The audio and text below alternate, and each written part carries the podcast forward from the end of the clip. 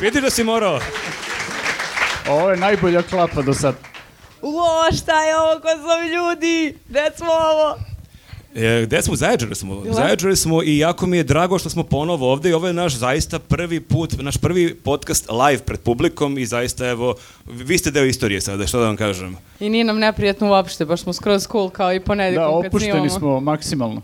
Da, da, samo nam je drago, nije nam uopšte neprijatno. Jeste, i uopšte nije čudno ovako što gledam malo vas, malo gledam publiku, ali jako je lepo biti ponovo ovde. Mi smo pre otprilike pa skoro, pa tačno tri godine ovde nastupali i jako je lepo uvek doći ovde. Pa jeste, da, isto je bilo ovaj, puno i isto smo ovako nešto pričali, samo mi- sad će biti malo drugačije. Hvala uh, prvo Danku što nas je tako lepo gostio i prvi put, a i ovaj sada drugi put zaista je sve prošlo besprekorno što se tiče pripreme i, i, i postavke svega što je meni onako divno kidalo živce prethodnih dana, ali sad sam okej, barem što se toga tiče. Možda bi trebalo prvo da se predstavimo, jer možda ima ljudi koji nemaju pojma ko smo.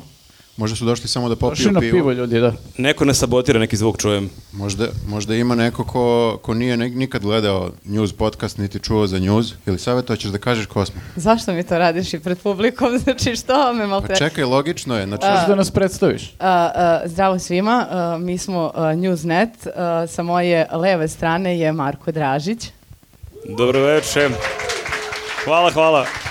A, prvi, prvi s desna a, Nenad Milosavljević E, a, i Viktor Marković. I Jelisaveta Miletić. I najveći aplauz Jelisavetu, zaslužila si. A te si ponovo onaj merač zvuka. Nije, ne, da čujem, vidiš. čujem, sve čujem. A, možemo da, a, dakle, mi radimo podcaste već skoro dve godine. Imamo sad tu neke segmente, imamo neku strukturu, mi smo ozbiljni u stvari. uradili smo skoro 100 podcasta. Da, koji nam je ovo po redu? Opet ne znamo. Skoro stoti. Sto- sko- Tipa 80. Dobro, ok, znači skoro stoti um, i uh, oba, i ove nedelje ćemo svakako da se bavimo aktuelnostima, to je ono što inače radimo u segmentu koji se zove kolegijum. Međutim, odlučili smo da ubacimo uh, pre kolegijuma jednu malu retrospektivu uh, nekih događaja koji su nama bili onako uh, najupečatljiviji, najzabavniji, tako da svako će imati svoju zlatnu trojku. Da, pošto je ova godina nizma kupa da vidimo šta se dešavalo, ali pre toga možemo kažemo još nekoliko severskih podataka. Prvi je koji želim da kažem da možete da kupite i našu knjigu koju smo doneli ovde i ona će se prodavati po ceni od, ja mislim, 700 dinara. Da, super da smo se dogovorili. Jeste, evo, Ovog dogovaramo se, trenutka. dogovaramo se spontano, a imamo i prijatelja ovog podcasta. Kao i do sada, uh, i ove nedelje je Vozi sa nama. E, To je aplikacija koja vam pruža pomoć na putu. Oni su a, jedni od prvih koji su prepoznali naš potencijal, utoliko su nam zato i a, najdraži, zato što su prvi i ottoliko dugo ostali s nama. Kad budeš ovo snimala, Teja, znači ove ostale brendove bluruješ. To se ne vidi ništa. Samo vozi da Samo ostane. vozi, samo vozi. I bit će sve okej. E. Vozi, sad kad smo dolazili ovamo, znaš šta mi je bilo zanimljivo? Kad, kad smo dolazili ovamo u ovim kolima, sva trojica imamo vozi aplikaciju. Mogli smo tri put da se pokvarimo i opet bismo stigli. Samo deo paketa da Dobro, ih koristiš. stigli bismo, ali ne baš na vreme. Bukvalno smo i verovatno. bez Malo kvarova bismo- kasnili jedno 20 minuta, ali da, do, možda je bolje što nismo, ali da, lepo je osjećaj kad znaš da imaš tu aplikaciju i da ako ti se nešto desi, ima ko da ti pomogne. Sad, e, Nama se, izvini, dešavalo i da omašimo neka skretanja i da zalutamo ovaj, na nekim ranijim a, putevima, tako da nama bi bilo dobro da u ovoj aplik- aplikaciji mu- a, postoji i nešto da ti kaže pu- put, a ne, u stvari to već postoji. a, Ništa. mape. Da. Ali meni ne znači jer ne znam da ih To gledam. jeste, tako samo da- što kada Da, da, Viktor pošalju vozi, ekipu da- kad da- Viktor vozi suvišno veliko samopouzdanje i onda ne gleda te mape i onda kako beše, kad ste išli u Leskovac, došli ste Tri puta smo do pre- Makedonije. Jeste, Viktor je u fazonu, neće meni mašina da priča gde da idem. I, Sad ono. i onda ovaj, završimo, u, kako se zvalo ono mesto gde smo završili, beše? Malča. Malča, da. Malča, malča. To uopšte nije ni blizu bilo mesta gde smo krenuli. Pa dobro, ali makar smo stigli 40 minuta kasnije. tako da ste vi okej, to da, vi hoćemo ste da... super. Uglavnom, vi ste okej prošli. ovaj, evo sad predlog za vozi, ako mogu da pošalju tako nekog da vas navodi, ako zalutate, to isto nije loša funkcionalnost u jednoj takvoj aplikaciji. Hoćeš da kažeš da ti vozi nije dovoljno dobar. Pa to nije dobra reklama. E, ali Dobro, uvek ima prostora za unapređenja neka. A, Da, to posebno da slušaju nas, e, e, stručnjake za unapređenje svojih aplikacija. E, ali možemo da iskoristimo priliku i vas da pozovemo, ukoliko niste, a, da skinete aplikaciju, ide zima, to je već je došla, a možda padne i neki sneg, a, možda krenete na neki kraći odmor i desi se da se zaglavite a, negde u snegu. a, umesto- U Malči. U Malči. Umesto da cimate ortake, kumove, roditelje u sred noći, lepo imate aplikaciju a, i skinete, iscimate ljude, da oni u najbržem roku dođu i pomognu vam tako da ste 100% sigurni. Imate više, mm, možemo i pomenemo koji su a, paketi. A, ima tri paketa, vozi RS, Evropa, kažu da je najpopularniji, i Evropa Max a, od e, 2999 dinara do 7999 dinara, pa vi birajte koji vam je naj, najbolji. Kada se podcast završi, e, ići ćemo među publiku da proveravamo ko je sve instalirao vozi aplikaciju. I koje se podržao njuz na Patreonu i na YouTubeu. To naročito. Što također će možemo da pozovemo i vas ovdje i vas koji nas gledate na YouTubeu. I svake nedelje oni koji nas podržavaju na Patreonu i na YouTubeu dobiju jedan video samo za njih i ove nedelje ćemo Njih to je snimiti. sada ukupno više od hiljadu. Više od hiljadu ljudi koji su uplatili makar po, makar po 100 dinara. E, ali mi ćemo i ovdje snimati jedan video samo za naše patronđije, ali onda ovdje ljudi koji nas ne podržavaju na Patreonu će morati da izađu, verovatno. A ne, morat ćemo da proverimo ko nas podržava, a ko nas ne podržava da sedi, ali da zapuši uši. Mislim da je to pošteno. To je Vidjet do- ćemo šta dobar je lakše. kompromis, da, da, da. Ok, ok. A, jel možemo preći onda na retrospektivu? Ja mislim da smo sve pomenuli. Ajde, možemo. Može. Ko će prvi? Evo, Viktor će. A, kako ti? Pa zbog njega smo kasni, njega smo čekali, realno mislim da je okej da krene prvi. Ali e, imao sam dobro opravdanje, a to je da imam dete i ja ne znam, ne, nemam uputstvo za dete. Znači to zahteva baš mnogo vremena. Da, imaš sveže dete baš. Imam sveže, vre, e, sveže dete i iako, iako postoji dosta uputstava na YouTube-u, moram da kažem, vezanih za dete, kao što, kako da ga okreneš, gde, s- gde smeš da ga držiš, gde ne smeš. e, Meni se sviđa što se sad lepo si počeo da se vadiš na dete, ja se posljednjih osam godina vadim na dete, tako da to uopšte nije loše, jer zaista O, ne. niko ne može da ti zameri što si kasnije zbog deteta. Aha, znači to da uradim. To, to je ono, da, da, to je kad mi ključ. je potreban E, izbor. onda za mogu nešto. makar dve godine da se vodim, vadim na kuće. A, b- nisam siguran da, da kuće može isto kao Ne dete. može na psa, ja imam psa posljednje A dve ti imaš godine. ženu. Ma dobro, imam ženu, ali nisam primetio nešto da imate razumevanja za mene kad kažem morao sam kod veterinara i slično. Ja sam, moram da ti kažem, da nisam imao uopšte razumevanje za tebi, za tvoje kuće, ali si onda rekao pre nekoliko dana da je Phoebe postala zvezda na TikToku i da čak postoji neka opcija da će da i zarađuje neke pare na TikToku. Fibi će uskoro mene da Tako izdržava, da ćeš ne ti ja nju. uskoro, ti ćeš biti uskoro Srđan Đoković. Jeste, Fi- Fibi je prosto, Ako vidite da, da. se ne- nešto gradi po Beogradu Ako negde na počne Dorćilu, to ne na, zahvaljujući I- popularnosti I svog ako počnem psa. da dajem ču- čudne izjave, ovaj, da, verovatno je do toga. Dobro, ja sam malo deprimirajuće kad smo saznali da u jednom momentu Fibi na TikToku ima neke stotine hiljada pregleda, a ja sam malo bila ljubavna pošto naš podcast nije došao. Tako da sledećeg nedelje ovde u Zaječaru Fibi dolazi i drži svoj podcast. Pazi, više bi ljudi verovatno došlo zbog nje nego zbog mene, tako da.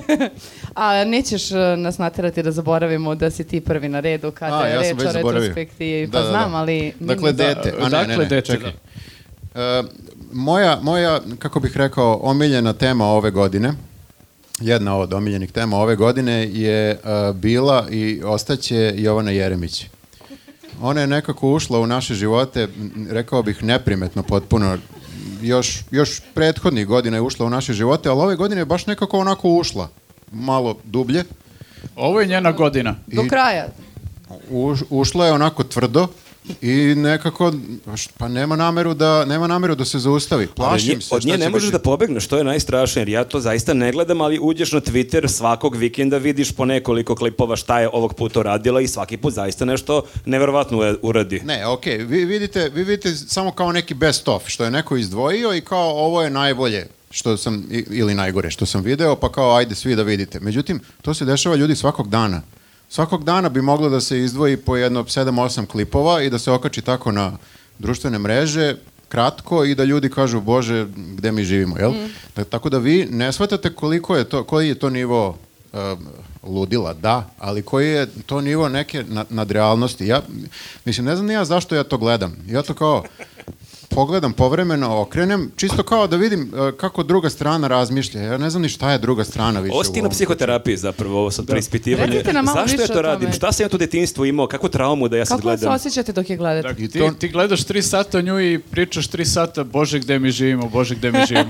Ne gledam je tri sata, ajde u svoju odbranu da kažem, ne gledam tri sata pošto je to stvarno e, previše, plus se neke stvari ponavljaju, ali e, gledam porodično, znači gledam sa ženom, S bebom. s bebom, beba je isto to kao ona ne E, Ali gleda, dobro, beba sad nije svesna još uvijek, tako da mo- imaš još malo Prva fore. reč koja kaže beba biće Jovana Jeremić. Zvaću centar za socijalni rad. E, Jovanin glas nekako primetio sam uspavljuje e, dete, nekako je malo onako kao white noise, kao kad pustiš Ko bi neki rekao? šu- šum. E, sad, sad, o, sad ozbiljno, sad ozbiljno. Dakle, e, to je s- e, ja što više gledam, imam neke uspone i padove tu. Neki put pomislim kao nerviram se, kao zašto, zašto ovo ovako, zaš, i kao koliko ljudi ovo gleda, kako ovo utiče na ljude, Do, dokle ćemo ovako, dokle više može ovako i to nema kraja, to se samo vrti nekako u krug. Sad je to postalo kao neki podcast. I tu dođu svaki put isti likovi, isto kao i mi, i isto kao neki potpuno nepoznati likovi, isto kao i mi. I oni pričaju sa njom, a sve vreme ona priča o sebi. Koja god da je tema, priča se o njoj. I svi likovi, ti koji dođu, ti neki matorci, koji se možda malo i lože na nju, pričaju o njoj, hvale je kako je ona najbolja, ona kaže znam, ja sam najbolja. I to se tako vrti u krug. Međutim, ono što me e, sad u poslednje vreme posebno nervira, izvinjavam se što ova ti rade ovoliko traje, a to je da ona svaku emisiju u poslednje vreme počinje sa, naravno ovo je najgledaniji program, bla, bla, bla, međutim dodala je neke nove stvari. Dodala je neke nove stvari, ovo je tipa najbolje novinarstvo u Srbiji. Ovo je najbolje novinarstvo, ovo je najslobodniji program u Srbiji. Dobro, jeste slobodno da se sad ne lažemo. Poprilično je. Mislim, Olja Bećković Ne, ne, ne. nikad nije išla u krug oko svojih gostiju dok oni pričaju. Niti je bilo u zelenom trikovu. Kad bi se ona zaustavila na tome da mi sami tumačimo šta je slobodno, moglo bi da prođe to, ali ona kaže šta je po njoj slobodno, a to je da tu nema zabranjenih tema i tu nema zabranjenih gostiju i ne, nije njoj ništa zabranjeno da kaže. To je ono što me nervira. Znači, sve je suprotno od toga. Znači, ima zabranjenih tema, ima zabranjenih gostiju, njoj je vrlo zabranjeno da kaže neke stvari, ali ona svaki program uredno počinje sa tom rečenicom. Ali čekaj, njoj nije zabranjeno da kaže, ona to ne želi da kaže, ona ne misli Ona da... zna šta ne treba da kaže i ne moraš da joj zabraniš. Ali ja mislim nekako ona više na liniji ovih svih ljudi, nije ona sad kao tužni opozicionar koji je zarobljen na Pink, u Pink Ma ne, studiju. okej, možete vi da je branite sada ako hoćete. Ne, baš je osuđujem. Neka ženska ali solidarnost kao- sad. Ne, sada. ja mislim da je ona o- okej novinar, zato što ne bi sad nekom tamo liku dali da uđe u skupštinu i snimi promo spot o svojoj emisiji da nije dobar novinar. To treba da istražimo. Rekli smo već da ćemo to da istražimo i to stvarno treba da istražimo sledeće godine. Da li mi kao mediji, pošto smo isto n- kao neki mediji, možemo da odemo tamo i kažemo kuc kuc, mi bismo isto, isto kao i Jovana da snimimo ovde Da, naš mi- mi smo promo spot. Čak, da, mi smo čak i više mediji od Jovane. Ona, ja mislim da nije registrovana kao mediji u APR-u, a mi jesmo. Da, zamisli, pošto sad imamo špicu podcasta koja traje, koliko, tri sekunde, zamisli sledeća špica, ono, dva i po minuta mi šetamo po skupštini, Da, da, ali izgovaramo samo one što mora fraze. i Elisaveta da ovaj, pokazuje rejtinge ono na telefonu sve vreme. Ja, naravno. I da se bam... E, to gleda, uvek, uvek gleda u kameru kao da je prvi put na televiziji. Znaš Pa ono kad fascinirana dođeš, je. kad dođeš negde, ne znam da li ste nekad ovaj, gostovali u nekom programu ili tako nešto, oni ugl- obično imaju taj monitor tamo gde kao prikazuju ko je, na, ko je u tom trenutku na, na kameri i kao neki put, mislim ja kad sam gostovao po ovim N1 i gde, gde smemo da gostujemo, privuče ti pažnju, znaš, i kao onda malo pogledaš Ali u kažu kameru, da. to jel? najveća greška, jer ti dok pričaš nešto krajičkom oka vidiš sebi i onda nešto gledaš da li ti nešto stoji kako Da. treba, i, a sve je u, u kontri i onda ono što je tebi desno zapravo ode levo i onda se potpuno pogubiš, tako To je da... najmanji problem. Meni oni- Ali to je meni- opravdanje za Jovanu, možda se ona pogubi kad sebe gleda. Ne, ne, ne pogubi se uopšte. Meni ona izgleda kao da gleda da li je snima kamera u tom trenutku. gleda da je snima kamera i sve vreme je u fazonu, jao, ja sam na TV-u. Pa da, Strava. čudno je da razmišljaš o tome da li te snima kamera kad si voditelj na televiziji. Ali možda ono duboko, du, du, du- du- du- du- kako se kaže, duboko, Duboko. duboko u du, duši, Mhm. mi, Viktore, a, a, je šokirana što je još jedan dan dozvoljeno da bude na televiziji, jer ona negde svesna koliko je to sve... Super. A Da, Misliš da čeka da je neko upadne da je prekine emisiju? da, i onda je svaki put pozivao, jo, pa ja sam i dalje tu, kao, wow, znaš O- koji, još opet je jedan braniš, dan. da opet je braniš, okej. U čemu je fora sad? Another Zašto day, toliko another braniš? win. A, ženska solidarnost, još da E, Okej, nastavi. Eto, to, to mi je nekako onako, e, ne mogu kažem utisak godine. ja, ja moram se nadovežem, čak sam teo to ja da kažem, ali kad sam čuo da je tvoja tema Jovana Jeremić, onda sam odu- odlučio da to ne pričam, ali pošto nisi rekao, postoji jako mnogo tih a, njenih a, predloga iz prošle godine koje onako vidiš i zaboraviš te neke vesti, te neke događaje i onda kad ih ponovo vidiš ti potpuno ne možeš da poveruješ kako si to zaboravio. Recimo sad smo ovih dana baš radili retrospektivu sa Kesićem za novogodišnju epizodu 24 minuta i onda smo vidjeli oni njen stari video tipa iz marta meseca kada je pustila konstraktu i kada ona u nekom čudnom trikovu leži na podu i maše nog- nogama napred-nazad. Mislim, ja sam to potpuno zaboravio. I to je, i s jedne strane, optužujem sebe kako sam mogao to da zaboravim, ali opet toliko toga je ona uradila od tada da, ka- kako da ne možeš da imaš u glavi baš sve te informacije. Ali to je recimo meni onako, ako bih ja birao u toj tvoj kategoriji Jovana Jeremić hit godine, meni je to kako leži i igra uz konstraktu. Ali nemojte da zaboravite kad je o, gledala u kameru i govorila dramatično, senzacionalno, drama queen. Misliš svaki dan? Ali kad, e, po- puta. kad je sedao pored nje Šešelj i kad je to sve izgovorila, onda je rekla, dobar dan. I dobro jutro, a, ne, a Šešelj ovako sad igra, dobro jutro. Meni je i to bilo onako jako Viktor simpatično. to gleda svakog jutra. Da, da, meni to nije ništa, to što vi kažete sada, nije mi to, uopšte me ne uzbuđuje više. Teško te impresionirati. Teško je, jako, jako je teško, zato što se to ponavlja i nekako nadograđuje to, to ludilo. Pa dobro, mislim, pričali smo u jednom podcastu i meni je bilo isto zabavno kad sam gledao epizodu sa nekim ovaj, e, iz e, nekog udruženja organizatora svadbi, pošto je bila neka prevara sa nekom svadbom. O ne, opet će da priča ovo 20 minuta. Ne, samo da se podsjetim tog momenta kako on uspe da ono, o- govori o sebi, čak i u temama o kojima, u kojima ne bi očekivao da može da umetne. Ovaj, gde je ovaj čovjek pomenuo da ovi njima sad koji su ih prevarili duguju, ne znam, neke ovaj, milione i, ovaj, i ona se samo tu mrtvo ladno ubacila i rekla da, moj otac nikad nije dugovao nikome pare, on je po tome poznat, nikad on je ono, baš je bežao od dugova i onda pričao ono tri minuta o tome i ovaj čovjek čeka da ona završi kako mi nastavio da priča svoju tešku sudbinu. Ba, Pa, mnogo, je, mnogo je tu pogrešnih stvari u toj emisiji, ali samo moram da napomenem, jedna od meni lično ovako najpogrešnijih stvari je što, što je to jutarnja emisija. Jer nekako eh, ne smeš da imaš, ti kad se probudiš i kao kako ćeš da počneš dan, nekako određuje kako će ti biti dan, pa sad ne znam ni ja, ako, ako svako jutro tako počinješ dan, određuje ti kako će ti biti nedelja, mesec, godina, život, ne bi trebalo da počinješ svaki dan da te neko izludi. Ali sa druge, to je jedna škola mišljenja, ali sa druge strane, ako ti preživiš ujutru Jovanu Jeremić, ti si tog dana spreman na bilo šta. Misliš da je ona kao neka vrsta čeličenja nacije? Tako je, da, mislim, ti kad to pogledaš ujutru, ti možda radiš preko dana šta god. Pogledaš Jovanu Jeremić ujutru, pa onda malo gledaš Milenka Jovanova šta radi preko dana, uveče neka konferencija za, za, za štampu, ovo ono, i ti uveče legneš, ono, A znaš šta je fora? Većina tih jutarnjih programa treba da te razbudi. I onda ona definitivno može da te razbudi kad krene da trči po studiju. Ali ne sme da te izludi, znači treba da te razbudi A kao to su kafica. dve, šk- znaš. dve škole mišljenja, da. Viktore, Ne, ali moraš ti da dođeš- ograničeš. Dođeš, na primjer, na posao, ono, šef e, te nešto maltretira, došao da te riba tu, da ti drži neke bukvice, nešto nisi uradio kako treba, ti kažeš, druže, ja sam jutro zgledao Jo- Jovanu Jeremić kako se valja po podu uz konstraktu, ti mi ne možeš ništa. Ona je kao kafica, jutarnja kafica koja te razbudi, ali je u nju sipana ista tolika količina votke. I onda svako jutro počinješ sa kafom punom votke. Svako jutro. Po nekoliko kafa takvih popiješ. I sad zamisli kakav je to život. Kakav je to dan?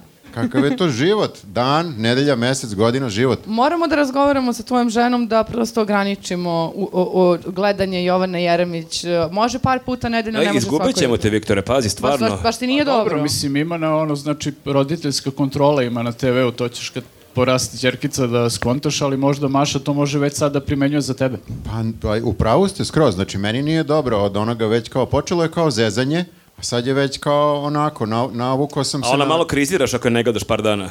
Pa, a, sam, kriziram i ako je gledam i ako je ne gledam. Ba, baš Dugo, je dugo te nisam videla tako... potrešenog. Da, da, ovo je porast čovečanstva u Viktornom Dobro, pogledu. mislim, ja vidim da je ovo baš ozbiljno daleko otišlo. Ja sam jedno vreme upao, bio upakao Ako ima happy. neki psiho, Kreću ispovesti, psihoterapeut, ljudi daj- odlaze kući. Da, ali ovo, Daj, je- Viktor, ovo vidi je još kartice. ozbiljnije. Da, da. da. Ja sam upao, upakao emisije posle ručka. Ovaj, to je bilo onako Da, ti poludiš ujutru, ti poludiš popodne. Jeste, da. Ja sam se skinuo među vremenu, ali vidim da ti još nisi. A ta emisija je barem posle ručka, ovo je jutro. Nekako i dalje me to više nervira. Ne možeš, ajde posle ručka, pa kao malo, ne znam ni ja. Već si došao sebi, pa ne može toliko da te nešto... Možda i može. A da, ali ako je posle ručka, tamo si nešto je, opustio si se, znači štit ti je pao, razumeš sve, ti si ono Pa potpuno Možeš br- nezaštićen. brzo da stigneš do WC-a. I on i onda dum, sve moguće teorije zavere u sat vremena, ono, tako da nije lako.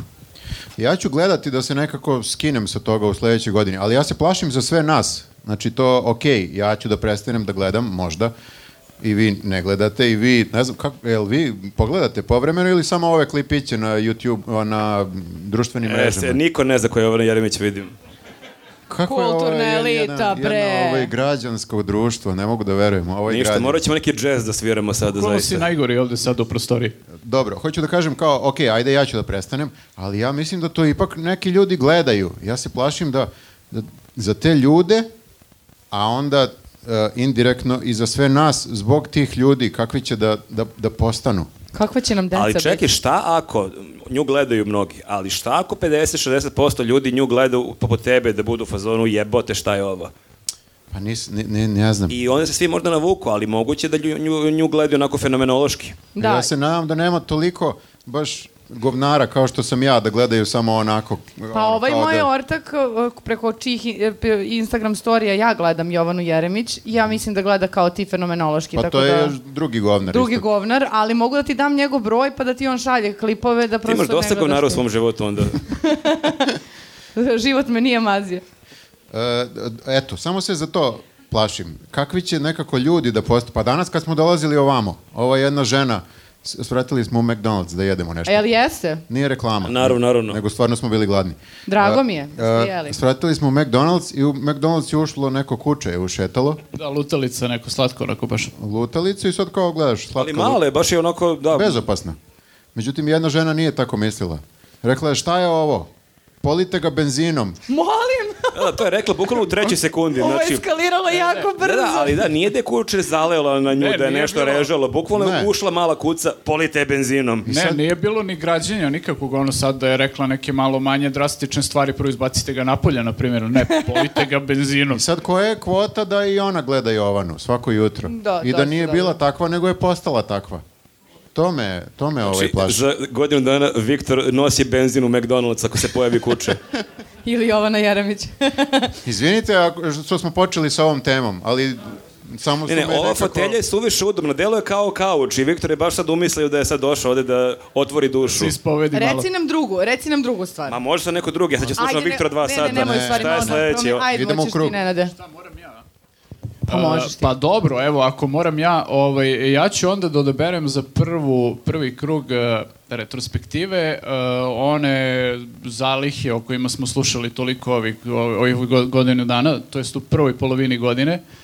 E, sećate se svi kad je bilo kao da li ćemo da imamo šta da jedemo i tako to i onda smo ono, imali smo onako jedan roller coaster baš ono, tipa jedan dan nam priča predsednik kako imamo svega i pokazuje nam slike brašna i graška i ne znam čega, šećera, A, soli. imamo, št, koliko, je, 32 miliona sardina. Tako je, 32 miliona komada sardina. E da, ali nismo sad- utvrdili da li je to komada konzervi ili Da. komada ribice unutar svake konzerve. Pa sad ja ne znam da li, pos- e, nisam vidio na konzervi da piše koliko ima I, unutra. ja zamišljam da on otvara konzervu i da broji koliko ih E, ima. da, ovdje da, ima ono, šest. vrši popis, Suzi da. zapiši šest, ovdje ima pet. Pa nije uvek isto u konzervi. Nije. Ovde neko mazno jedno, piše četiri. Ali je Zato što veća oni sardinica. naguraju u tu konzervu koliko može da stane. Sad neka sardina je manja. Ovdje je Đilas ukrao jednu.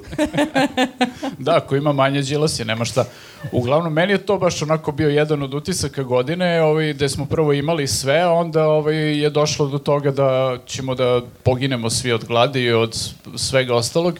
Um, malo je previše to onako ovaj, e, e, pa se posle ispostavilo da, da su ove neke robne rezerve za koje smo mislili da imamo da su pokradene kao da neka, neke, neka pšenice i žitarice fale Tako da to mi je bilo onako na nivou onog nekog e, školarskog plašenja, kao jedan dan jedna priča, drugi dan druga. Ovaj, sad ne znam kako to inače opet utiče na, na ljude, verovatno je i to ovaj, e, deo tog psihološkog rata protiv, protiv građana, čiji je deo i Jovana. A Meni to kad si rekao sada, ja uopšte ne mogu da, s- da ne bi se kladio da je bilo ove godine. Kao da je bilo pre milion godina. Pa mi Pa, smo, da, mi da, smo to je se... baš utisak svih nas, čini mi se, Jeste, ovih da, dana. sad kad smo spremali emisiju, mi, s- kad smo videli da je to insert iz ove godine, mi smo mislili kao nemoguće, ovo je bilo kao, imaš utisak da je bilo makar pre godinu i Pa kad po dana. smo gledali preizbor, predizborne spotove, a to je bio neki mart mesec recimo, to je stvarno meni delovalo kao da je bilo pre tri godine. Zato sam ja odabrao Jovanu. Jo, Jovana je i ove godine i prošle godine i bit će i sledeće godine. Nekako znaš da ne možeš da pogrešiš. Meni Pa se da, dešava- ali, e, mislim, mene samo u cijeloj toj priči teši malo što je predsjednik je dosta toga prognozirao u poslednje vreme, kao i počeo od toga da ćemo svi da pocrkamo gladni, ali videli smo u poslednje vreme da je mnogo toga promašio, znači promašio je ovo k- za, za mundijal sve što je pokušao da prognozira. To mu neću nikada prostiti. Jeste, da, nažalost... Nemoj da se žališ na Vučića, sam si se ložio ko budala, ono, i maltretirao Jer i sam nas. čuo da je Vučić rekao da idemo na Hrvate u Nije četvrtfinalu i da istina, ćemo da nije. i Sigurno je dobijemo. uticalo i to što je... Pazi, Vučić ja naš- njemu ne verujem ništa, ali sam tu želeo da mu verujem. To što si ti želeo, to je druga I stvar. izneverio je očekivanja, da. Tako Prvi put da, sam poverovao i prvi put sam se zeznuo. To je omašio, omašio ono kad je rekao da će biti nova Stalingradska bitka posle 10 dana Rusi puknu tamo u Hersonu i moraju da se povuku. E, tako da ovaj, i prognozirao je sad za sledeću godinu o- ovaj, ko mrtav, ko živ do, do 31. marta, tako da ovaj, Ali dobro, tu je rekao i mrtav i živ, tu E. pogodit će jedno. Misliš ono, 50-50, da, nešto će da bude. Da, tu se ogradio malo. Tako da ovaj, e, sad Tu malo... je rekao, ovaj, tu je rekao praktično Bemliga. Pa, da, mogu i tako da kaže, bilo bi zabavnije za nas. Tako da, ovaj, e, nekako sad kad se vratimo unazad, e, samo je neki zaključak e, cele te priče da kao ne treba ga previše slušati, ovaj, naročito kad prognozira, jer očigledno mu to ne ide, a iz nekog razloga voli. Ali meni je zanimljivo što je on pokazivao tako na oštampanom nekom A4 ili A3 formatu, o, pokazivao je fotografije iz magacina i onda vidiš neko skladište kao, kao da si u Ikea i gledaš neke tamo To je, sanduke, da. kutije, kao evo je brašno. To je A paleta. ovo je- to brašno, da. To je neka da, I šta sad meni to znači? Možda su prazne pal- kutije. Paleta na koje je nešto, ali može da bude bilo šta. Možda nam je pokazivao ono šta je bilo u Jovanjici. A što mu ne verujete? Ne razumem. Zato što je rekao da u četvrt finalu idemo na Hrvatsku, Viktore, koji deo ti nije jasan? To je, bilo po, to je bilo posle robnih rezervi. Ne znam da li znaš, ali lik laže. Aha. Treba da napravimo majicu za ovaj put ili makar ona jedan kao da se... E, nećemo o tome šta mi umemo da napravimo ili ne. Znači, ja sam ove nalepnice slao sedam meseci. E, poneli smo neke nalepnice i e, neke magnete, e, ne znam da li će biti dovoljno za sve, ali koliko bude, delite, brate, pomalo. Sad sam bio u WC-u i ima dosta nalepnica izlepljenih. Ima Jaili Boo, Jesi ima... zalepio neku našu? Pa nemam, nemam. Viš, mogu da uzmu nalepnicu da dele tako da svako uzme po jedno slovo. da zalepi tamo po patom. im, imam J. Vidio sam dobro mesto, tamo Marka Žvaka, pa iznad toga bi moglo Ma njuz. preko Marke Preko Žvake, Marke brajde. Žvake. Pa da. To je dobro mesto. Konkurencija. Može i ja svašta. Suviše si pacifista. E, da, se sam vra- da dobro. se vratimo na retrospektivu. E, Ne, ne, to spe- jel sad red na mene? Možeš da pređeš ovaj, ti na Ok, tvoju tačku. Hvala ti. A, ja sam izdvojila na prvom mestu e, dešavanja u Skupštini sa highlightom um, Radomir Lazović koji Vučiću govori e, ti lutaš bebo, skeno si s puta bebo, zato što je nakon toga usledila najlep, usledio najlepši, jedan od najlepših odgovora Vučićevih ikada, a, niti lutam, niti sam bebo. A, I generalno e, nekako cela ova Jel, godina... jel baš rekao, niti sam bebo, Beba, beba, beba. Niti lutam, niti, E, niti to sam rekao beba. kroz autotune. Da, to je inače bila neka sednica da je Vučić uh, uh, davao izveštaj i poslanic... Predsednik Vučić. Predsednik Vučić davao izveštaj uh, poslanicima povodom situacije na Kosovo i Metohiji. To je bilo pre IHH, ali evo i dalje se... Niko nije očekivao Maju Berović u raspravi o Kosovu, realno. E, Jeste, i razli, različiti su stavovi o tome kako sada se u e, tako, takvu atmosferu skupštinsku, jel te, uvodi uh, Turbo Folk i Maja Berović, međutim ono što je, jeste e, činjenica da je to, ta izjava privukla pažnju i skrenula pažnju na Ne davimo Beograd i na ljude koji možda do sada nisu gotivili njih jer su smatrali da su neki ono alternativci s masnim kosama koji slušaju samo rock muziku, nego su alternativci s masnim kosama koji, koji slušaju, rock i ma- muziku i, slušaju Maju dobro. Berović. Tako wow, da, super. A možda, znaš, možda to nije utiča, uticalo na rast popularnosti ne davimo Beograd, ali možda Maja Berović pokidala Ne, sada. ne, ne, Maja Berović je dosegla svoj pik e, sa onom rečanicom ko, a ko je Maja Berović kad je trebalo da nastupa u e, a, Beogradskoj areni, tako da u tom smislu mislim da je ona žena sigurno... Da, a ona sad kad je čula ovo, bila je u fazonu ljudi, ladno pričaju o Maji Berović Da, u da, da. skupštini. Ma ja ne znam koliko je to bilo dobro za Vučića, jer on je u jednom trenutku rekao, ma ja ne slušam te narodnjake Da. koje vi slušate, kao, mislim, mnogo ljudi u ovoj zemlji sluša narodnjake, mislim, može da se zameriš biračkom telu, tako. E, ali znaš šta, mislim da mu je sigurno da to kaže zato što je teritoriju ja nikada ne pijem, zamenio teritorijom mnogo pije. Što Pa se nekako... vratio na ne pijem. Pa dobro, ali to komunicira sad sa dosta, dosta, dosta ljudi koji piju. Ali meni je tu najjači detalj bio što je on prvo rekao, otprilike, ono, e, ne zna ko je šta je, ali onda ima neka scena da njemu do- dotrčava neko. I dodajemo. I dodajemo oštampan papir. Znači, ladno je neko nekog iscimao da on ode da nađe štampač, da nađe na uh, Google tekst Maja Najbolju Berović. fotku Maje Berović. I fotku i on je njemu odštampao i onda je on sa papira čitao tekst Maje Berović. Tako je. Tako, da ti baš vidiš koliko oni imaju čitav jedan mehanizam da ono kao u trenutku šta god ti treba, evo tu je donosi lik. Jeste, ali on se jednostavno iznervirao. A, a, kako da smem da kažem, a ja navodno a, jako volim kad ga neko tako iznervira. Nisi E, pa To nije morao sam sad... da- navodno. Navodno, navodno. I onda, d- eto, zbog toga... Moramo da je- poradimo na tom navodno kad ubacuješ, kad ne ja ubacuješ. navodno bacim da budem sigurna skoro svuda, pa onda vi zaberite kuda je pogrešno, Ja gde nije. navodno ne slušam Maju Berović. Navodno. Eto, vidiš kako radi lepo. Ne, ne može to tako, moramo da poradimo na ovom. To je moje navodno, pusti me. E, Marko, tvoje, e, tvoja prva Gotov od si trojke. sa tvojim navodom. A, pa ja sam gledao šta je od Vučića bilo najzanimljivije, jer ga je dosta bilo, ali e, kao što često pričamo, e, mi toliko njega slušamo da zaista onako smo u stanju da z- nastavimo rečenicu kad on počne i baš malo toga može da nas iznenadi i slušamo po 5, 10, 20 puta iste fraze, iste rečenice i onda treba kao da budemo duhoviti na to, a već smo ispucali sve moguće fore, tako da mi jako cenimo te neke nove momente, a ove godine, i to je bilo neko proleće, leto, čini mi se, Imali smo jedan sjajan novi moment koji sam ja opet za malo zaboravio, ali smo srećem juče gledali razne klipove iz starih epizoda, ne bismo li pravili tu best of kompilaciju, pa sam se setio priče Vučić koji pita ga nešto voditeljka o vremenu e, Tita i o Jugoslaviji, to kako se nekad živelo. I onda on za čas upadne u taj mod najstarijeg čoveka na svetu i priča kako je kad se on seti tog detinstva, kako se išlo na more nekada i kreće ni pet ni šest čitav onako ono road trip da opisuje šta se dešava, tata spako je njega i džigljavog brata, bojice su onako visoki, potrpaju se u neku peglicu, šta su li već tada imali i oni krenu na more. Iako, ok, za sada ga pratimo i za sada svako može da se identifikuje. U kolima imaju od hrane kilo paradajze, kilo krastavaca. Ništa drugo nemaju. Okej. Nemaju ni esceg. Nemaju, a- ali ne kaže oljušte krastavac, tako da ili noktima ljušte, taj deo nije precizirao. Ali najbolji detalj, ajde sad to pomozi Bože, ali kao što ne bi neko parče hleba uzeo kad već nosiš kilo paradajza i kilo krastavaca, ali najbolji detalj je da negde iza Modriče stanu na nekom potoku da oni piju vodu iz potoka.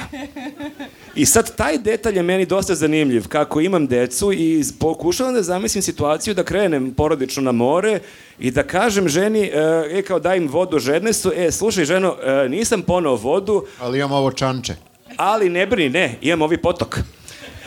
Znam i za Modrić jedan e, fenomenalan potok, tamo će deca da zagnjure glavice i da se napiju vode. Žena bi ti izbacila iz kola. Pa da, mislim da mi bi više ne bi bila žena.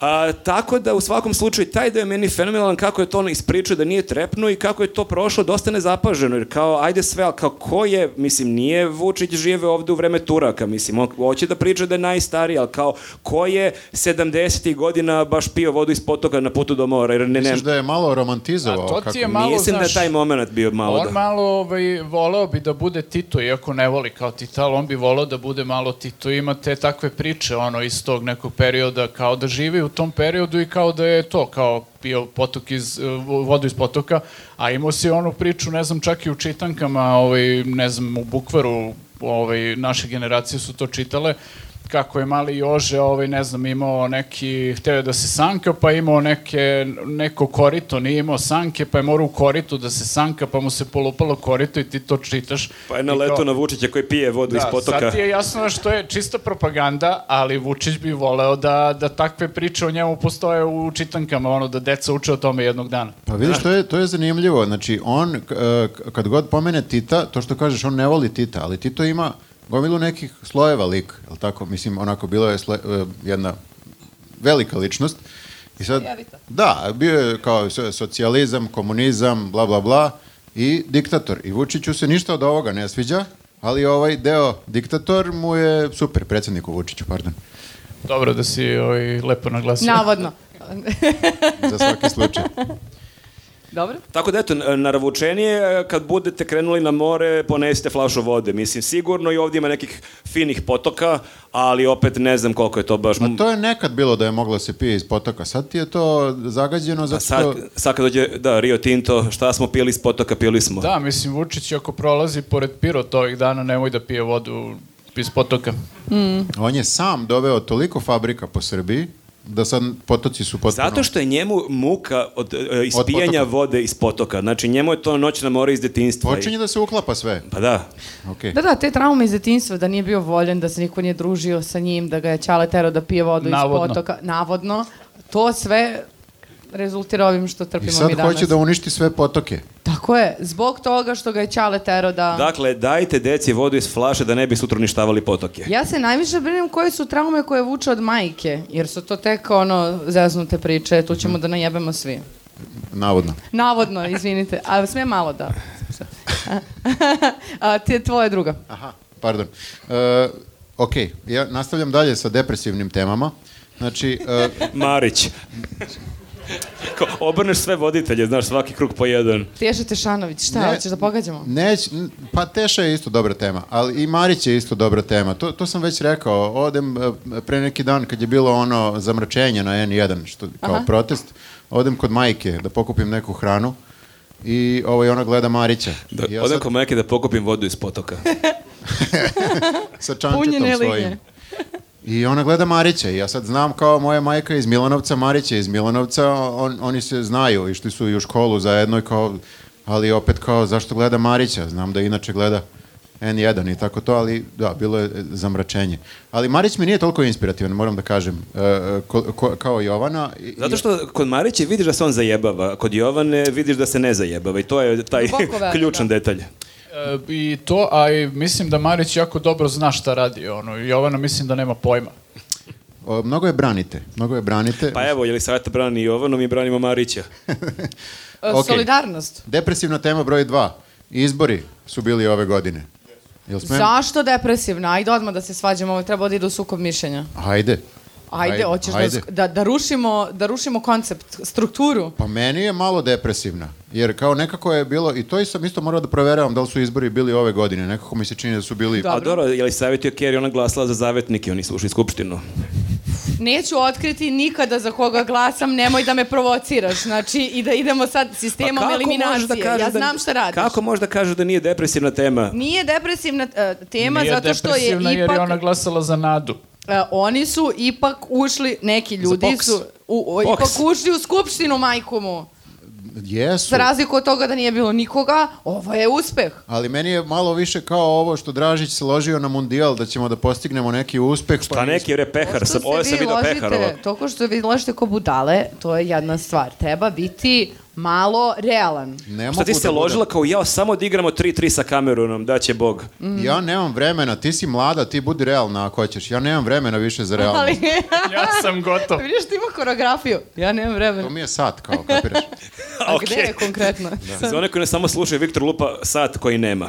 Ona da samo sluša. Evo lupni ovdje ovaj.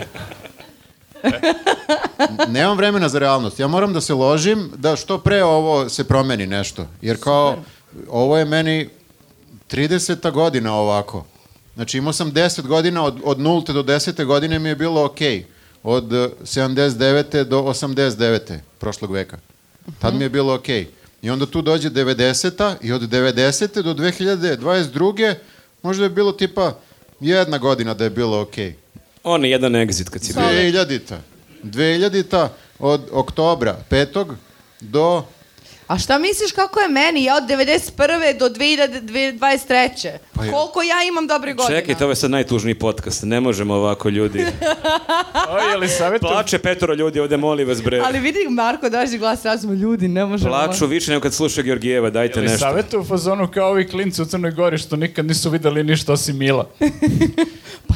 I- i- Jeste, ali meni je još gore, to hoću da Dobro, kažem. tebi je teže, okej. E, I zato nemam vremena za to i ja u svake izbore sada ulazim ono full. Znaš, kao, idemo sad ovo da promenimo.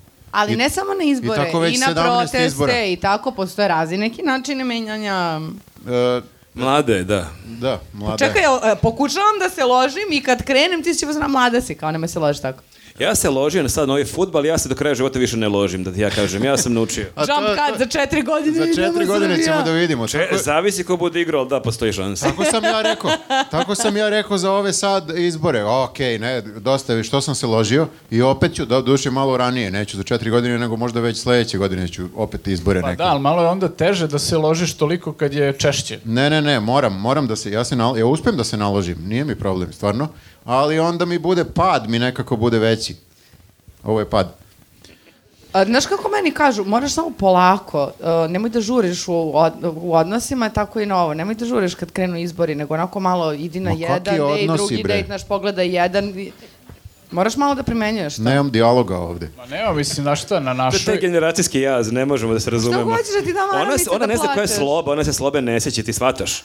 Ona ima- Sram te bilo, a ja ono s kolicima bila na Pa mitinzima. to ti kažem. protiv im- ove, pa naravno da se sećam. Imao si pelene, znači govorimo realno. Ne, sećam se. Sećam se. Kako je, kako je vama ovde, jel, na izborima bilo, jel bilo okej ili ono, E, ovde je bila beše ono priča Super kao prošlo. pao je, pao je SNS, dolaze neki novi, ali koliko sam ispratio, to nije baš bio pad. ko je, Pa da, da, da, na, o, znam da su, pa bila je priča, ono, pa u Twitteru su krenula loženje, evo, gotovo, pada Zaječar, pa su Da. onda ljudi iz Bora napisali, je ljudi, znamo tog čoveka, nemojte se ložite. Ali mi smo se baš ložili to veče, dok nismo čitali tweetovih smarača iz Bora. sad, sad se sećam, sad se sećam. Pa n- ništa, jebi ga, šta da vam kažem. Sledeće godine opet idemo. Idemo, sad će... O, idemo, bre, Tako, je se vama, naloži. tako su vama pričali za Pixija, ljudi znamo čoveka, nemojte se Ti je ložiti. bio legenda zvezde. What can go wrong? Pet, peta zvezdina zvezda. A, dobro, Nenad. E, Pa dobro, a i kad smo već počeli o izborima, meni je utisak bio da je ovaj, e, Vučić izašao iz frižidera, ovaj, Predsednik Vučić. predsednik Vučić, u predizbornom spotu, pa posle na Pinku. Ovaj, I sad, o, znaš, mislim, e, ti sad da dođeš nekom iz inostranstva to da pričaš, o, ne bi verovao, verovatno. Mislim, mi vidimo ovaj, ovaj naši neki prijatelji iz Hrvatske, recimo, oni se frapiraju šta se dešava ovde kad vide. Jer oni kao ne prate inače toliko, Ali ovo je sad toliko se lude stvari dešavaju da oni već počinju da prate jer su u fazonu kao ovo je ludilo potpuno. Mislim, mi smo imali ovog jednog kolegu e, Frana, voditelja, jednog koji, sa kojim smo nešto radili i on je bio potpuno fasciniran jer je dolazio stalno to kao u Srbiju ovaj, zbog posla i malo je više pratio od ovdašnje medije i njemu je to potpuno fenomenalno kao šta se dešava ali ovde. To ne uvek postoji kasni, kod ali njih. uvek kasni tipa četiri dana i onda Jeste, okači da. i naslovni informer od pre četiri dana ste videli ovo, a od tada još sedam gorih naslovnih strana, tako da Jeste, je to taj problem. I onda da, mislim, između ostalog i to, kad vidiš kao da predsednik izlazi iz frižidera, ne u reklami, ajde to kao, ok, napravili su kao neku foricu i to, ali kao čovjek izlazi iz frižidera na nacionalnoj frekvenciji i kao mi smo već toliko oguglali da čak nam to nije ni toliko neka velika ovaj, vest, ali pritom opet imaš i taj moment sad kad smo spremali emisiju da smo se i mi šokirali da je to bilo ove godine. Ovaj, toliko je toga se nanizalo. I to tad. čak nije bilo tipa u januaru, nego bilo tako neki mart mesec, znači ono, pre, Da, i sad ono 8 ovaj- meseci, 9 koliko. Sad mislim da je pokrenut neki postupak protiv uh, Pinka Frižidera. i, i ovaj, da, možda i protiv frižidera i protiv ovaj, Vučića, ali pitanje je šta će s tim biti, da li će ovaj, da ga osude, jel? Ja mogu da se kladim e, da, da neće. Ma da. Viktore, molim te, o, raspolaži se. Ma okej sam ja, ljudi, v- verujte mi. Znači, ovo je, ovo, sam, ovo je, ovo je moje srećno Ovo je tvoje lice. srećno lice. Da, da, da. Eto šta godinu dana gledanja Jovana Jeremića učinija, kakav je bio razdragan nekada.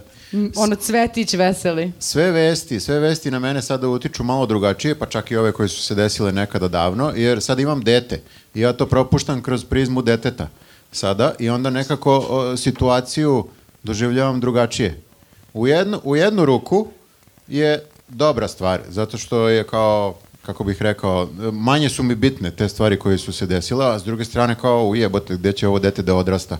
Ovo, ovo će biti zeznuto, ovo moramo što pre da sledeće godine na izborima da menjamo. I tako. Tako da vrtim se u krug. To je nek, neka Pa dobro, ali čekaj, mislim, e, i, i njoj će biti zabavnije kad vidi o, nekog čiku kako izlazi iz frižidera na televiziji, nego da vidi nekog dosadnog političara koji samo sedi i priča nešto. Dobro, dobro, sviđa mi se ovaj, Mislim, taj ugao. Da, Svetli to je ugao. ono kao ne moraš Ja sam to crtaće već da je pričao pustiš. jedan put, ja zaista mislim da ova vlast jako gađa decu od 4-5 godine. Recimo, kad se e, kad su napravili onu novu fontanu na Slaviji, ono ludilo što menja boje, ja sam bio zgrožen, t- tad su moja deca bila mala, one su bile oduševljene, one su insistirale da idemo preko Slavije i govorile fontana, tako da je to vrlo, vrlo mudro. Znači, dva sigurna glasa već. Ja. Ja, znači, da, da, da, džabim ja pričam fontana je fontana. Pa vlast, vlast stvarno e, gađa decu, ali pre neki dan se i bukvalno desilo. Plafon je pao u, u, u Indiji i pogodio E, da. neku decu. Srećom, okej U su. školi. Da, u školskom, tako da ova vlast stvarno gađa ovu decu. Bukvalno. A, dobro, ja mogu da, ja kad smo k- kod izbora, ajde ja ću tu da istaknem, A, jako mi je bilo zabavno kad smo a, gledali Anu Brnabić tokom izborne kampanje kako izlazi kao rock zvezda samouvereno i kaže Dobar dan Surčin! A ovi ljudi su u fazonu Jakovo i ona Jarkovo! I onda i kreće za dalje i samo čuješ tišina ona A? E, Ne, ne, ali imala je mi- tu gestikulaciju, dobro, Pa dobro. Da, kao, okej, okej, a kao, nemoj se ljutite. Za, za ljude koji ne znaju iz, iz Zaječara, mož, možda ne znaju ljudi, To su b- kao na opštine u... jesu, to su opštine, međutim opština Jarkovo ne postoji. Postoji opština Jakovo i postoji opština Žarkovo. I Surčin odvojeno, ali tu su blizu. Surčina odvojeno. Tako da ona je, ona je nekako, videlo se da nikad nije čula za te opštine. Da, da, da. Da. Ali e, super mi je što e, ovog puta nije čak toliko ni krila... Mislim, ja da se nalazim na, da sam političarka, e, Pročitala bi gde se nalaziš. da, Za početak. Da. da, i kao čak i da bi- su u nekom nastranim paralelnim univerzumima desi da izađem tako sam uvereno i da pogrešim ime opštine u kojoj se nalazim i da mi to ljudi kažu Ti bi se ona svestila. Pa mislim, baš bi krenuo da se izvinjavam, ali ono jedno po Dobro jednom. veče, navodno Jarkovo.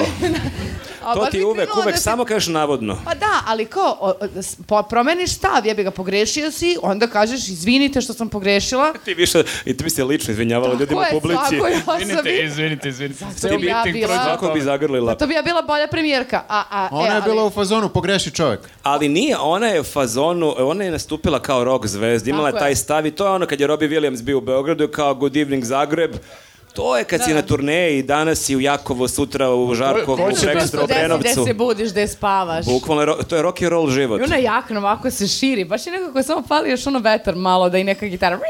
A, da. Moja teorija je da su oni tu stvarno izgubili neke glasove, čak i od ovih ljudi koji su potkupljeni, ovaj, ucenjeni i tako dalje, jer ljudi mrze kad, kad ti ne znaš gde se nalaziš. Jel tako, Zrenjanine?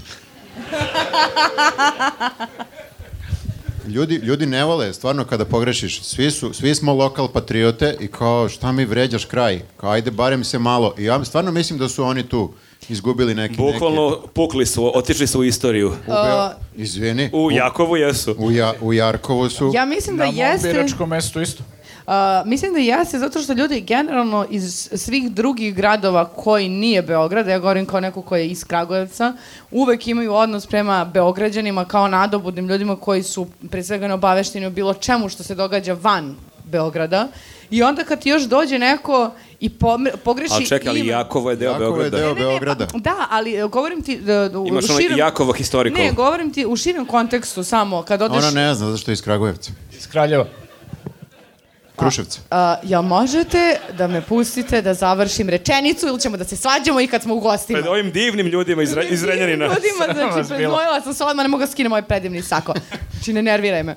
A, ne znam šta, šta sam htjela da kažem, ajde ti idi na tvoju. Izgubili smo jednu članicu ekipe. E, a ovo je sad pravi baš podcast. pravi podcast. Da, trebalo me pola sata da se otkravimo. A, dakle, pa a, ja stvarno nije lako ono, iz- izabrati ono, k- top 3 utiska, ali meni je recimo a, i prošle godine bilo jako zanimljivo a, ta, ti mladi laovi, ta nova ekipa u, u Srpskoj naprednoj stranci. Nekako to je ono što, što smo pričali u podcastima već dva, tri puta kako misliš da je ekipa najgore i da ne može gore, pa dođe sledeća mlađa ekipa koja je mnogo gora, pa dođe sledeća mlađa ekipa koja je još gora i onda stvarno veruješ da u nekom momentu kao ok, to je to sad, nekom logikom će krenuti opet na gore, ali ne, to se i dalje ne dešava. Tako da o, mi smo svi jako teško e, preživjeli vez da i Kebara i Langura neće biti više poslanici, jer tamo smo se navikli na ono Kebaru koji priča kineski, šta smo tu već imali. Ali pojavile su se neke e, nove mlade nade i to su u pitanju devojke. I to je njih tri koje su ovako dosta bile aktuelne e, ove godine. E, Prva je Nevena Đurić, druga je Staša Stojanović i treća e, je Draginja Vlk. I četvrta je Lav Pajkić. A on je tu već neko vreme. A dobro, da. Nemoj tako o bogu seksa. On je tu već neko vreme i stvarno teško je onako, svaka se dokazala na neki svoj način i ne znaš ko je bio tu luđi. Dakle, prvo je početkom godine Nevena Đurić, onako odjedan put nije otkud da se pojavila po nekim eh, važnim TV duelima na I RTS-u. izdominirala. Objasnila, oprala O, pa o, protivnike. pazi, ja brzo pričam, ali ono š, kako ona priča, eto u životu nisam video. Mislim, ona u startu priča ona na 1.75 i to je neverovatno kako on uspe da udahne i da priča 3 minuta bez prestanka, da da ne udahne vazduh i da ne dozvoli nikome ništa da kaže. I to je onako oni nabuban tekst koji ako, što je Ćute jedan put neko pod pitanje postavio, potpuno smo je izgubili i nije mogao da završi rečenicu. Ali ima malo i tu kao ne, potpuno nepoštovanje onoga koje je preko puta nje, ali ne sad kao poštuješ, ne se plašiš, nego nekako malo da imaš poštovanja prema sagovorniku, plus nekom ko je tu sad kolega, jel te, i starije, i ne znam šta, i ti si na RTS-u, To pa ti je ono opet kad se malo femkaš. da. gore. Jako dobro spremiš ispit, ono nauči sve od A do Š, bukvalno svaku zapetu nauči i onda hoće da to sto, što pre izdeklamuje da pokaže da dobije desetku. Tako da je ona bila Pokušaš da- zanimljiva. Da, Tako pokušaš i profesora na ispitu da izvaćareš kao da izbiflaš ono šta imaš da on ne stigne da ti postavi pod pitanje. jeste. Jeste. A, Draginja Vlk se pojavila samo jednom, ali kako se pojavila? Mi smo nju jedan put komentarisali, ne znam da li ste ispratili. To je ona devojka koja se jedan put javila u skupštini, i koja je onako jako, jako... a- ako je Nevena Đurić neko ko priča 500 na sat i onako vidiš da je perfektno nabubala tekst, ovo je njena potpuna suprotnost, koja priča sporo, jako zamucko je, vidiš da ima tremu, vidiš da n- n- nema baš misla za koje može se uhvati. Pa dobro, i ona ima publiku u smislu kao da neko ne može da isprati Nevenu, zato što mnogo brzo priča i onda moraš da prilagodiš malo, moraš da imaš... Mm, to bi- Da, ali ovo je jako izbace lako iz e, onoga što priča i dekoncentrisana E, je. i Oni o- dobacuju ovi iz opozicije i izbacuju Jest, Znači, tako. to jeste problem i pokvari se odmah. I ona je imala onu super ideju e, pozivajući se na svoje drugarice koje su nju pitale da li postoji način da se nekako promeni ustav pa da Vučić bude doživotni predsednik. To čak nije ni njena ideja, nego od njenih Nije drugarica. ono, znači, a- a- ako neko lupa, ne lupam ja, lupaju moje drugarice. Ona je glas naroda, odnosno drugarica. Pa u ta, ovom to i slučaju. jesu poslanici, oni treba da budu predstavnici naroda i drugarica, ali ipak je Staša Stojanović možda tu o- ovako hit godine, ona je na Twitteru bila jako zanimljiva prošle godine i svaki njen tweet je onako malo remek delo, ali da ne bi preprečavao tweetove, meni je ipak vrhunac kad se pojavio navodno neki njen porno snimak, za koji dalje nije utvrđeno ili jeste ili nije, ali to nije toliko ni bitno koliko je bitno to što je ona u želji da objasni da to nije ona, uzela saopštenje jednog jako obskurnog domaćeg porno sajta i ona je e, okačila screenshot saopštenja porno sajta da to nije ona, nego je to neka lupa Maja iz Zemuna.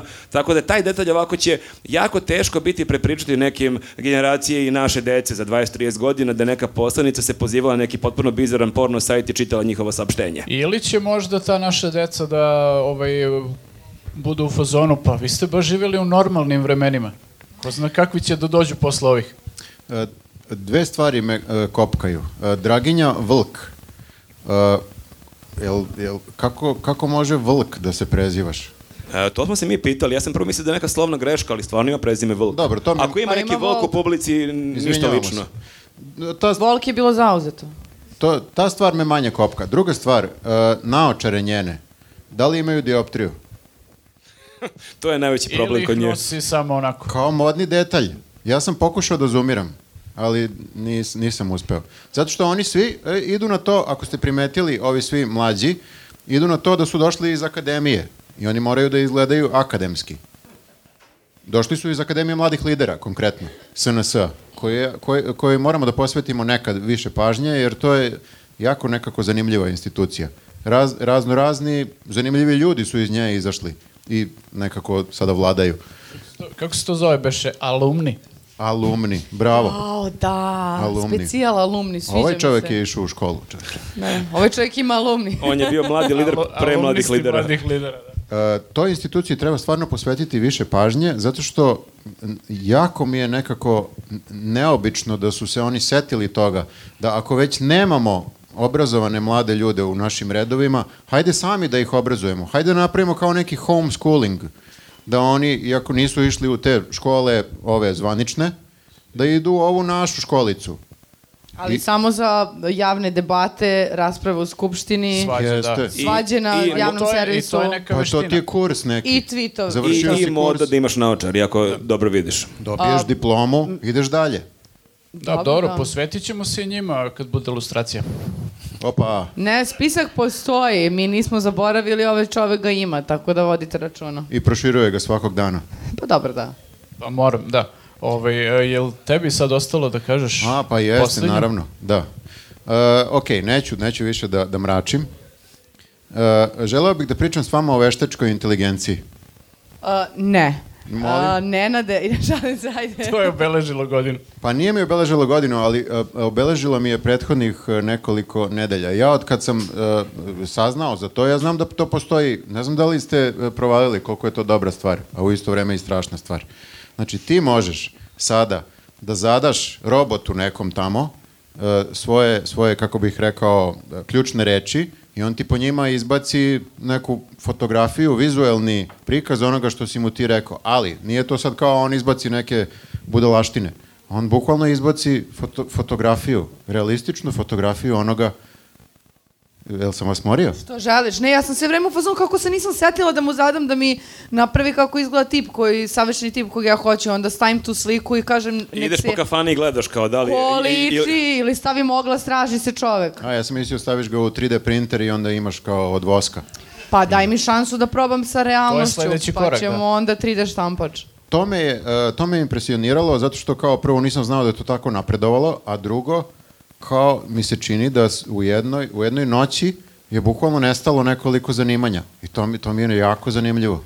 Pa pazi, ti si već kao filolog, kao neko ko zna norveški, već kad se pojavio Google Translate izgube jednu profesiju. Ej, Sad ej, ej, ovde ej, ako ej. se pojavi o veštačkoj inteligenciji i za pisanje i za humor, mi smo svi ćao. A ti si sam- duplo ćao. smo Ja sam gotovi. probao i to, i za pisanje, pošto ima i za pisanje.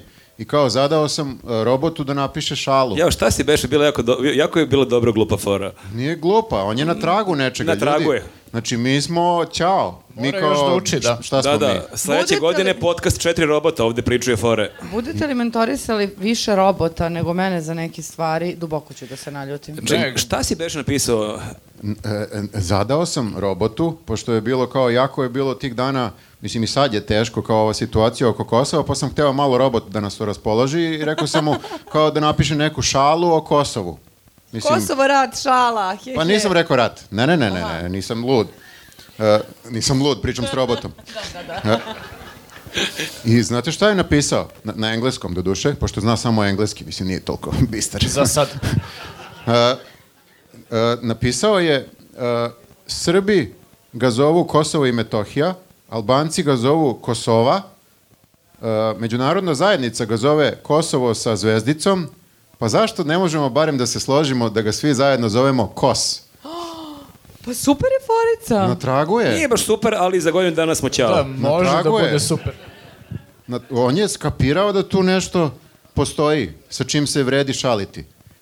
E sad, Pa, Pa, jeste, to nije da, loše, ali- vidiš, ako imamo neke kontroverzne fore o Kosovu, uvek možemo se vadimo pisao je robot. Robot, Kako robot. ja vezi s tim imam, ono. nije Jeste, loše. tako ćemo da se vadimo. Uglavnom, da, ovaj, sve te stvari, e, kako š- što više rade i što ih više mi testiramo, one sve više napreduju i postaju sve bolje.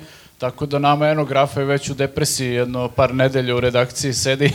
Ne, grafa je ištancujemo- ćao, grafa je Grafa ćao. je ćao, da, bukvalno. Grafa ovaj, je čao. Mi se držimo, ali moguće da nam je ovo poslednji podcast. Jer kao roboti, sledeći, E, tako da sledeće ova, godine je ova roboti. istorija, vi ste svedoci prvog i poslednjeg podcasta. Za... Zato sam teo o tome da pričamo. Mislim, rekao sam da nije depresivna tema. Ovo je ali meni sad- još depresivnije, Viktor, od, ovih, od Jovana ovo je gore Jeremića. od svega Ovako prethodnog. ide, samo dam. Mislim, dam, Jovana Jeremić meni dam. ne uzima posao, čak me inspiriše za moj posao. Ovo će da mi bukvalno uzme posao jednog dana. Da, Ali i- ima još vremena do tad. Imam, a, mislim, Do pre će sledeće da godine. umru ove kao kreativne agencije, E, moramo da dizajneri. budemo bolji od tih robota. Koliko Ne god znam, da ja sam su oni gledao dobri. Terminatora kao mali i mene to uopšte ono, ne teši, da ja odmah kažem. Mhm. Možda samo da ih ne koristimo, nemoj da ga hraniš. Znači, onda neće da ti uzme posao. Ja nisam to ni instalirala i vidi kako mi je super, ja se ne Što, pa bojim. nije, znaš kako je super. Jeste, a zato si mene terala da ti Jesam pravim samo slike. jednu da vidim u- kako bi izgledala, ali to... samo Good jednu. looking guy. Jeste, Po- Poet. Sledeći, sledeći put 10 dolara po slici, pa da vidimo. Znači, Ne, dru, ok, kao nemoj ti da ga hraniš, ali neko drugi će da ga, da ga hrani. I kao ne možeš ti to da zaustaviš. Pa ako se vratimo na ovu Markovu temu, znači dolaze te mlade generacije, ti vlkovi, te staše, i oni će svi da nas e, zamene, da nas pojedu. Znači oni su isto neka vrsta robota. Oma, nova godina je praznici, imamo goste, moramo da budemo radosni. Imamo- Oni su Jelkice. nemilosrdni, nemilosrdni su, znači Ne, gaze. bolje, bolje da upozorimo ljude sad nego da bude kasno posle. Mi smo, Nema- mi, mi- nema mi smo kao osjećanja. oni uh, ludaci što po inostranstvu u parkovima viču, ono, the end is near, Jeste, da. Jesus is coming, znači, Drugi apokalipsis. dolazak. Da, da, tako da, otprilike, to smo mi. Srećna vam nova godina. Ja već vidim da ono zovemo sledeći E, dobro, grad i da ovaj. neko u fazonu, e, drugari, super ste, a ako možete, kao ne. Ono, Ja, on je Viktor baš mora da dođe. Nama je Ima dovoljno bebu, neko, znanje. neko ostane s bebom malo, šta? Prso lik, ono. Pa Dovoljno E, ja bi, je ja bi vaš stvarno odgovor. svakome preporučio ovaj dete da, da napravi. Super je stvar. Lik sa flašom koji je ispred... Ovo je Viktor ispred dragstora. I da Ne viđamo igra... ga ovako često. I da igra Liverpool dvojku, i- Pojedeš malo s dobro. lukom. Da, dobro, evo ja ću se nadovežem ovaj sa ovom t- trećom stavkom koju sam izdvojio. Pa, pazi, je vrlo lako. E, pričali smo o veštačkoj inteligenciji, a moja tema je Miša Vacić. Uuu. to je znači obrnuto. To jeste, da, Bravo, to je. ne, bravo, znam- bravo, ne znam bravo. šta je suprotno od veštačke inteligencije, inteligencije uopšte, ali e, Miša Vacić. E, on je imao nekoliko ovaj, dobrih momenta ove godine i e, jako smo se smejali u redakciji kad smo sad radili ovu retrospektivu za, za Kesića. E, između ostalog je imao izjavu da e, Rusija ne želi da anketira Ukrajinu. Ali ne želi, mislim. Definitivno, To nisam je vidio da istina. su radili Tačno neke je. ankete da sa njima. Uh, posle je krenuo u Rusiju kao i nikome nije jasno zašto su oni, oni i Bokan i ne znam ko je bio treći, uglavnom krenuli su u Rusiju i nikome nije bilo jasno šta će oni tamo. Te stvari me nerviraju najviše. Zašto? Jeste, Zašto? ispostavilo se da su otišli kao, jel, Miša Vacić konkretno kao, ovaj, Delegacija. da posmatra izbore, da bude posmatrač, Kao što Miša je s Vacić. referenduma, da, ovaj, tamo. Da anketira. Ove, I zamisliti sad, e, ne znam da li mi je više kao, m, malo mi je žao i te Ruse u celoj toj situaciji, znaš kao, ako si ti spao na Mišu Vacića da bude posmatrač tvoj na nekim tamo referendumima, onda si baš u problemu. Ali to i nas onda malo blamira, onda će i ti Rusi biti u fazonu, znači ovo je, Ako prose, su- ovo je prosječan Srbin, Srbi su ovakvi. Nadam se da to ne misle. Pa Pa što je pazi, on je bio je Vulin u gostima i sad je Miša Vacić, ja stvarno ne znam A kako... dobro, bio je pre par godina i Viktor, ono nekoliko dana u Rusiji, si Ti- tamo malkice minglovo, jesu ti Ljudi, vidjeli ti ljudi? možeš da odeš u Rusiju bez da te iko pozove. Znači, nije, ne, nis, nije njega niko Ali zvao. ovo su kao zvanično išli. Šta zvanično je išao E, avionom to koji je ja? bukvalno delegacija. Pa dobro, ali... Sa svitom. Uglavnom, da, ovaj, dok je bio tamo, ne samo što kao je svojom pojavom nas blamirao, nego je i pričao, a to je uvek do, loša kombinacija, između ostalog je Uh, rekao je da ovaj, e, će, ne znam, jednog dana će biti u ne znam kom gradu, sledećeg dana idu u Volvograd. I ovaj, mi smo mislili da je lapsus, on je posle toga nastavio izjavu i ponovo je rekao da idu u Volvograd. A kako bi bili ta- tandem on i A- e, Ana Brnabić, Jarkovo i Volvograd? Oni bi završili u, u onu Tanzaniji, verovatno. Pazi, Rusi ne mogu e, tačno da provale e, kad ti pričaš srpski da si iz Srbije. Znači, po- osto- ostaje šansa da oni misle da je on neki bugarin ili tako nešto. Pa ja kad god se izblamiram u inostranstvu kažem I'm from Za- Zagreb. Jeste, pa to je najbolje. pali skroz. Pa pazi, on je bio sa nekim bugarima u, u, u društvu e, i to je bilo neko, mislim da je on e, predstavio čoveka, ovo je gospodin taj i taj iz e, udruženja bugarskih rusofila, predsednik udruženja bugarskih rusofila. Tako da, ovaj, eto, to mi je onako bio e, prilično jak utisak, e, to što je kao, nadam se da nije zvanično Miša predstavljao Srbiju u Rusiji, ovaj, nego da je tamo tako nekako samo inicijativno otišao, ali opet ne znam kako Rusi gledaju na, na sve to. Eto, i posle ja depresivne teme. Pa ovo je depresivno. Pa Isto. čekaj, ali propustio si onaj detalj koji je bio meni možda i zabavniji kada je boksao onim kupaćim gaćama. Mislim, A, pa bilo dobro, je dosta da. Miše Vacića Ne, ja ove sam godine. se malo vezao više za ovo kad je bio A, u put- Rusiji kad je baš. putovao, da, mi- Aha. Mišin put u Rusiju, da. A ima i Ali sad ovo bilo kad je džuskao nešto, da- kad snima onaj story, kad A ide jeste, sa onim svašta- ljudima, to svašta ste vi to bilo. slali. A ne znam samo zašto je beše to bilo, ali Aj, svakako ima. Da li je Miša nekad gostovo kod Jovana Jeremić? To bih isto volao da gledam tu kombinaciju. E, Ja ga, ja ga nisam video. Ja ga nisam video, to bi bilo zanimljivo, susret dva patuljka. Moralna ili... Vidiš? Dobro Aha. pitanje. A, dobro, jel sam uh, sad ja na redu ili si Da. ti nešto? A, da. Uh, pa ja sam u ovim praz, u prazničnom duhu i tra- htela da izaberem jedan trenutak kada smo videli našeg predsjednika Vučića a, a, pijanog, pošto nekako sad je to Navodno pijenog. navodno, navodno pijanog. Pri, pripitog. pripitog a, i e, tu e, temu, t- tu taj događaj sam nekako htela da istaknem zbog dve... Cvrcnutog. Cvrcnutog. A, zbog dve stvari. Prva je... e, Dobro zato- raspoloženog. o, hoćete da nastavite da... Oni znaju da- dosta sinonima ako niste znali. E, kad će da veštačka inteligencija ispali ovoliko sinonima? A, bukvalno za par godina. Ok. A, mogu da nas...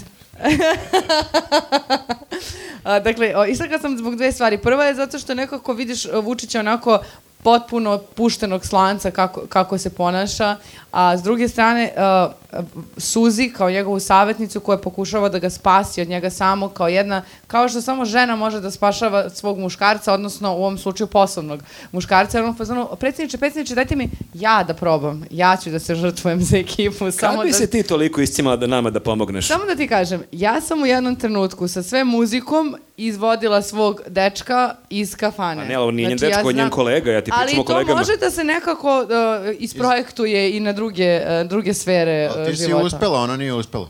Ona je pokušala, ja to cenim, a sad to što ona ipak radi sa čovekom s kojim je nemoguće sarađivati. Imala je dobar trik, kao predsjedniče, dajte meni tu čašu što držite u ruci da ja probam iz nje, iz baš Tako te je, tako čaše iz je. koje vi pijete, da ja probam to vino vaše. Jer ovde nema čaša i vina uopšte više. I onda kao nešto kao prinese ustima, ne znam i da li je probala i kao e, odo Nije, ja, nije. odo ja. Ne, Odo ne, ja sa ona je čašom. vrlo mapirala. Ti vidiš da je ona samo ovo uradila i spustila. Međutim, naš predsjednik je fokusiran čak i kad je cvrcnut. Ne, ne, znaš šta je problem? Što, ovaj, da, jest, ali problem je što tamo, to je sajam vina, znači svuda su čaše, bukvalno. I Ne sad kao, prestaje. Spasiš ga od jedne čaše i ideš jeste, koliko 700 god da mu čaša. oduzmeš čaša, naći će drugu. Mm, I e, super je kako je na tom sajmu isto imao te momente da se takmiči i ne znam kome je rekao kako on može da popije više od njega. Tipa Rami, e, e, bili su Rama, Dritan i on kao fantastična trojka a, i poslije je usledila ona slika mamornog jutra kao dan posle. To je isto prada pa kad ovako sedi Rama sa područnjacima šest slojeva. I ne A znam čekaj, ja gde se mislim da nalazi. čak Rama nije, da on pio čak vodu, čini mi se da je, ali Pa da. pazi, ako, gle- e, ako je samo po slici u koju navodno e, želiš da, da, da veruješ kako, kako je veče izgledalo, dele da se baš ubili ko majke. Ne, ne, to je navodno. bilo na afteru posle. Da, da. Rama je više rejver. da, ali on je tad na tom o, otvoreno, otvoreni Balkan, tom sajmu vina, e, o, je isto imao moment gde se takmiči sa tipa Dritanom, e, njega je ponižavao tipa pre- pred kamerama kako on može više da popije, kako Dritan A ne može. daj, pa ja baš mislim da svako može pokida dritanu u Pa, ispijanju. a, nema veze, Ništa ali to je lično, kao ne dole mi pozoveš sad. ortaka u goste i Ajde, onda ako zna ga neko poni- dritan, neka dovede ovde da vidimo. A čekaj, što si Vučić, brate? Ne možeš da do, pozoveš Nisam nekog... Vučić, ali kao pokido ne, si dritanu u Pa ispijanju nema u- i- i veze u da je. basketu, A mislim, što aj, misliš stvarno. samo zato što je malo niži, šta? A ne delo mi je, delo je neko kao štreber, ne delo mi je kao neki lik koji nešto sad tu obreće ture, ne znam, on baš mi delo Da Šta kao štreber. pričaš? Ja mislim da Ivica Dačić može baš solidno da popija kao nizak Pa Kakve je. veze ima Ivica Dačić sa dritanom? Pa kao nizak je. Pa ne, govorimo ali- o visini. Da, ili idu u širinu, Ivica. Šta? Pa idu u širinu, Ivica, nema veze što je nizak. A misliš može ovako da mu stane? Ne ako mislim je to može? po, po gabaritu, nego ovako po pojavi. Iznenadio bi se, ja uopšte ne bi to tako... Evo ko veruje u Dritana, ništa, ajde onda ako neko zna, pišite u komentarima ko nas gleda, ako neko zna koliko Dritan može da popije, evo. Čekaj, jel bi ti verovao da ili savjeta može onoliko da... okej. Bukvalno laž, ljudi, ja, gospođa. Bukvalno laž, a, moja čaša je li savjetina čaša? Krenula Case, sam clo- ranije... case closed, idemo Krenula dalje. sam ranije da pijem kad za kod toga mogu da se javim za još jedan. Kao eno ga Dritan. Znate ono Suzi i Vučić pa otima čašu. Mi smo, E, mi e, smo to je ovo. Suzi, ovo je Vučić. Sram vas bilo. Samo što ova uzima čašu Vidražiću, ali ne da bi mu oduzela njemu, nego da bi imala za sebe. Kao, daj da probam to pivo, iste kao tvoje, ne, ali daj da ga probam, baš me zanima kakvo je. Dobro, dobro, pa ne, do- ja sam suštinski završila E, svoje... nova godine, možemo da opuštenije pričamo. Da, da, da, može, baš mi. A, ali šta je tvoja treća?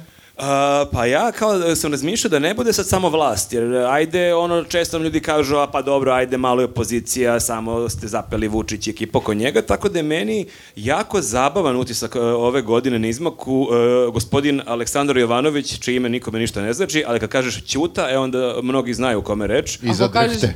I još kako kažeš, jeli bre majmune bre. Jeste, on je meni e, beskreno zanimljiv, zato što je to jedini čovek na svetu koji u svakom momentu deluje doće se pošiba sa nekim. I to je jako teško, mislim, svako od nas ima neke oscilacije, pa si nekad malo nadrdan, pa se namrštiš, pa se osmehneš, ali on je konstantno u svakom nastupu na ivici da nekog nabode. On tako izgleda prosto čovjek. Da, tako da je on meni beskreno zabavan i i ti njegovi razni performansi što je imao, ovo je sad nedavno je imao neku gas masku, onako je bangavo držao, pa je ispred skupštine s tom gas maskom pričao, pa je spustio gas, pa je podio gas masku, pa je onda kad je vidio kako snima kamera, spustio gas masku, pa sad kad se i kad je onako bio vidno potrešen, kada je pričao kako mu Marin Rističević i Atlagić šalju neke erotske poruke i kako mu dobacuju i Pa je udvaraju cepao- mu se. cepao Signal, informer. signal. Da, to je zapravo jedini put kad je delovao da neće se pobi, nego da Nivice se rasplače onako, ali to je prilike jedina njegova slabost bila, tako da negde generalno mi je jako zanimljivo što sad imamo i opoziciju i da, u pravu si jeste, kao u tom smislu jeste ovo možda lepa vest, kao što Jesmo smo i- pobedili na izborima. jesmo Da. dali gol i pa smo Mi smo izgubili. na kraju Pokidali, dana pokidali. pobednici. Da, da, svi, Pa daj, svi su ne. pobedili. Dali smo gol kao što smo dali gol i Švajcarskoj, da, znači dali smo gol, okej, ali barem je zabavnije to što kao imaš i te neke likove, pa M što je dinamičnije, a i što imaš Ćuto koji je stvarno ovako, njega baš dosta očekujemo u sledećoj godini. A jel se sećaš kad je uh, bila svađa koja, znači njegov bes nije u- usmeren samo kao onima koji su na vlasti. Jednom se svađao u skupštini sa kolegama iz opozicionog bloka zato što je neko seo na njegovo mesto. I onda kao razmišljaš, čekaj, evo to ovi ljudi sad treba tu nešto, ne, nečime da se bave nekim bitnim temama i vidiš stoje ovako dvojice i Pa svađaju dobro, se. ajde sad mislim... This is my spot, da. I mi kao. smo imali malo pre svađe ovde ko će da sedi, jer je li savjeta zamisli da ja sedim tamo, mislim, tako da zašto ja smo apsolutno kasnili razumem. pola sata? A oni su bili male bebe koji su bili, znači, neću da sedim tu. I ja sam mislio da ti prvo poštuješ strukturu, kao gde će ko da, A da se... poštujem, ali sada smo u drugom gradu, u drugom setapu. Nikad kakva je niko na struktura. YouTube-u nije vidio moj desni profil. Znači, uvek me snima kamera odavde i to prosto je neka tradicija. To je s razlogom tako, jer njegov stvari levi moraju da se profil je... poštuju. Moj levi kid, ali desni je baš onako. Ne, ne, imaću u vidu za sledeći put. Ja se izvinjam na ovom produkcijskom propustu. E. Doći ćete ranije, pa ćete onda da sednete. Es, esmo, esmo, e, e, hvala. Ne, ne, ne. ne. Jesmo ovaj, e, sa retrospektivom od Jesmo. Mislim, jesmo gotovi s retrospektivom. Jesmo, Ješ- hoćemo- Smo imali nešto od aktuelnih vesti. A, imali smo, boga mi. Oće, ko, ko će da krene? Hoćemo od uh, glavne teme, sve, koje sve muče već mesecima. Ajde, Koja? da po, pogađam, koja je? Kos. Aha, ja sam mislio... Viš kako sam skapirala foricu od uh, veštačke Jeste. inteligencije i sada sam je Kos, upotrebila. kao, kaži. kao nadimak neki, kapiraš? Kos, on je shvatio da to mo- možda ima neki nadimak. Ko, kos. Kos, kos, može Kos, to. Kos, da. kos. Pa, a, ljudi, šta se dešava više? Mislim, kad će to da kao stane? Non stop se nešto sekiramo tu. E, znači ja sam ono i juče o, u nedelju, majka mi šalje poruku 11 uveče šta se ovo dešava na Kosovu i ja shvatim na Pinku je bio rat. Ne znam da li si ispratili, ne znam koliko vi gledate Pink ovde. Pa Nisam. to je... Ja to- sam zaključio da sam dosta ratova propustio tako što nisam gledao. Bukvalno jedno veče kreneš, pustiš Netflix, jedno veče i dva rata propustiš. Ako š- bingeuješ seriju, možda čak i tri rata.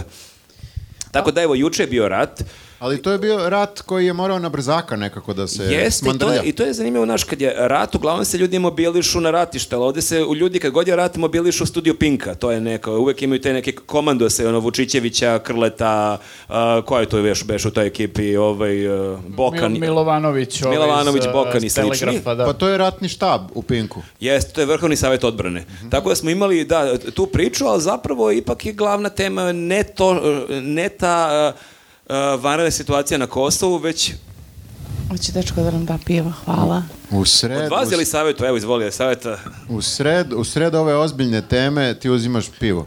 To je zato što je mnogo teška tema, treba mi piće da se opustim. Dobro, ljudi u, u ratu piju. A što ne pijete ovo lokalno pivo, ovo što se proizvodi u Zrenjaninu, nego to... I ovo je negde lokalno pivo. Da Stvarno, Viktore, gradiš imidž e, nekog hipstera iz kruga dvojke u svakom podcastu i sada, a, zapravo možda je oba što Ovo je, hipster. hi- ovo je na, novi ovaj stadion hipsteraja. Ja se sjećam kad se ovo pojavilo u Beogradu, ovo zaječarsko pivo. A čekaj, bila je priča da se... Bila je priča da, da se ne pravi svako zajačarsko, da se neko pravi u Novom Sadu, to je bila neka priča, beš, ili sam sad nešto lupio. To su dušmani bre izmislili. Pazi šta pričaš. Bila je Mo- neka priča da možda se će neke, nam biti da se sponzor neke neko. konzerve Biće sponzori možda. Mo- Najbolje pivo ikad. Sve se pravi u začaru. Vratimo se na teške teme zbog kojih nećemo imati sponzora. Kosovo! Kosovo neće Ne. da nas sponzoriše. Da, ali verovatno. zapravo šta se desilo? Juče se desilo to da se desio mnogo veći problem u okolini Pirota. I iz nekog razloga ta vest nije bila baš glavna i onda su na brzinu oj, prestili neki rat koji se dešava na Kosovu. Ne, ta vest je, bi trebalo da bude glavna. Trebalo bi, Ali ali nekako nije zgodno. ona se krenula se pojavljuje po raznim portalima, ali se onda brže Krenulo bolje... je onako da se dimi. Jeste, se širi onako, se širi. Da guši nekako I sa onda vremenom. su brže bolje i, i, predstavili Morali su neki, e, da izmisle neki, neki neku rafalnu ratičić. paljbu na Kosovu i celo večer o tome pričali. Da će neko da ih provali na kraju? Pa, pa ne, pa, Mi jesmo. ako, Pa dobro da mi, ali kao sad ovi što gledaju... Ovi su- ljudi Ne, ovde u ne, ne, ovom da kafiću. Jova, da, ko- svako jutro Jovana ne, moraš Jeremić, kao Vučić, Marica ovi divni Ručak. ljudi. Uvijek moraš Ovi kaže divni. divni. Ovi ljudi divni, nas vredni razumeju. ljudi koji ponedjeljkom uveče mogu da ostanu do kasno, jer sutra, ili idete na posao sutra? Jer će ovo baš da traje, mi nemamo... Tako je! Dobro, znači... Tema, tema je, e, moramo da kažemo za Pirot, tema je jako ozbiljna, ne možemo da se, da se zezamo. Ne možemo. Ne možemo. Ali srećom možemo da se zezamo na temu Kosova koja uopšte nije ozbiljna. O, d- d- da, za- ali samo zato što kao e, s- stalno nam izmišljaju neke d- d- d- si- e, situacije i neke sukobe i onda kao se nešto smiri. I onda ti Pa Da, ali skapiraš ovo da... je sad, e, znaš kako, moraš malo, drugo je kad imaš vremena da isplaniraš kao nešto, ovaj, i sad kao sve možeš da razradiš detalje. Ovako, ovo je sinoć je bilo baš onako ovaj, Smandrljano. nekako smandrljano, da. Pa čak ni, e, ako si provalio, čak je falilo, oni uvijek imaju petoro, šestoro onih mozgova, sad su imali Jest. samo dvoje, troje, bukvalno ko je E, bio na to je- gajbi. Ko, koga su navatali? koga su bukvalno. navatali, ali e, ja moram da kažem, e, da se pohvalim, e, k- kad smo pričali malo pre kako toliko pratimo Vučića da umemo da neku njegovu rečenicu završimo, a, ja sam shvatio da ja i tabloide tako pratim, jer ja sam juče uveče kad sam vidio tu vest napisao na Twitteru i na Facebooku da li sutra kreće priča da bivša vlast nije sredila prugu kod Pirota jer je bila zauzeta krađom novca od građana ili se nabraju sve željezničke nesreće u zemljama zapadne Evrope. To sam juče uveče napisao. Citiraj sam sebe. Jesam zato, ali ne zato što je to super, nego ovo što se dešava, Između ostalog. ovaj obrat je super. Današnji informer, glavna vest, SAD, Slovenija, Hrvatska, Nemačka, tri tačke, ovo su neke od najvećih nesreća gde je došlo do curanja štetnih materija.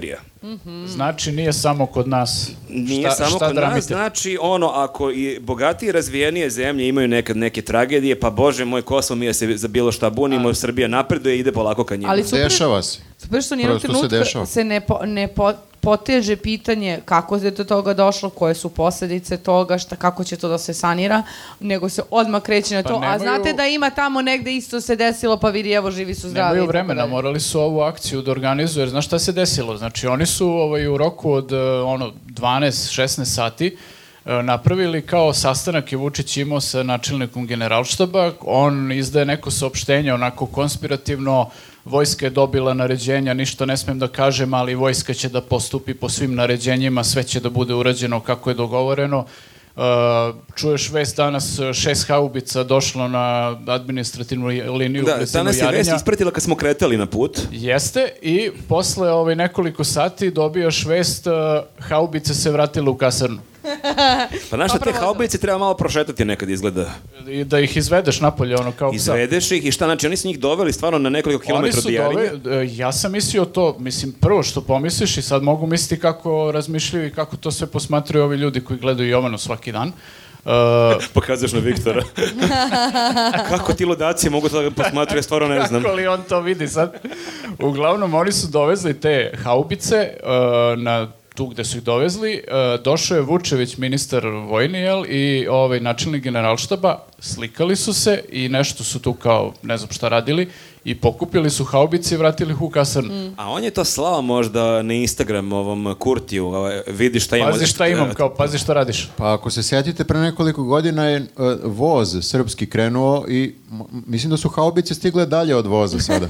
Pa Marko Đurić je stigao iz Beograda do, do Topčidera. E, to ti A, kažem. Pa, znaš šta, znači, možda zato što nisu oslikali ove Haubice. freske po, po haubicama. mhm, Da se zna da su, da, da, da, da, da se zna da su nekako miroljubive. Ali meni sad ono saopštenje generalštaba sad baš te čudno zvuči, jer ovo je rekao kao izvršeno, bit će izvršeno naređenje, ne smem ništa da pričam i kao ispalo da su vozili haubice da se slikaju samo.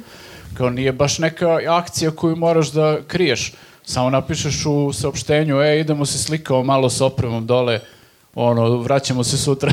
Mene najviše u cijeloj toj priči nervira što su oni u stanju da svoje vreme, sve resurse, ljude, sve, sve, sve, upotrebe na stvaranje laži, a to je haubice, Kosovo, šta je već sad u tom trenutku danas bilo, jedno od kao potencijalnih sranja, umesto da kao pošalju ljude u, u Pirot koji će da vide kako se to desilo, šta se desilo i kako će da reše problem. Da, ti imaš pravu katastrofu i ti se njom Da. ne baviš, nego izmišljaš neku katastrofu. Nego ti da. sad kao ceo tim svojih kao najboljih ljudi, kako god ti najbolji ljudi izvučali, uh, uh, sede da se bave lažima, umesto, a, i, a s- paralelno sa time imaš kao nezavisnog novinara koji odlazi dole i kao rizikuje sobstveni život i on otkriva uh, čoveka koji je pa- verovatno pao s mosta i otrovan je i kao, to mi je neverovatno i, i vozi dalje radi.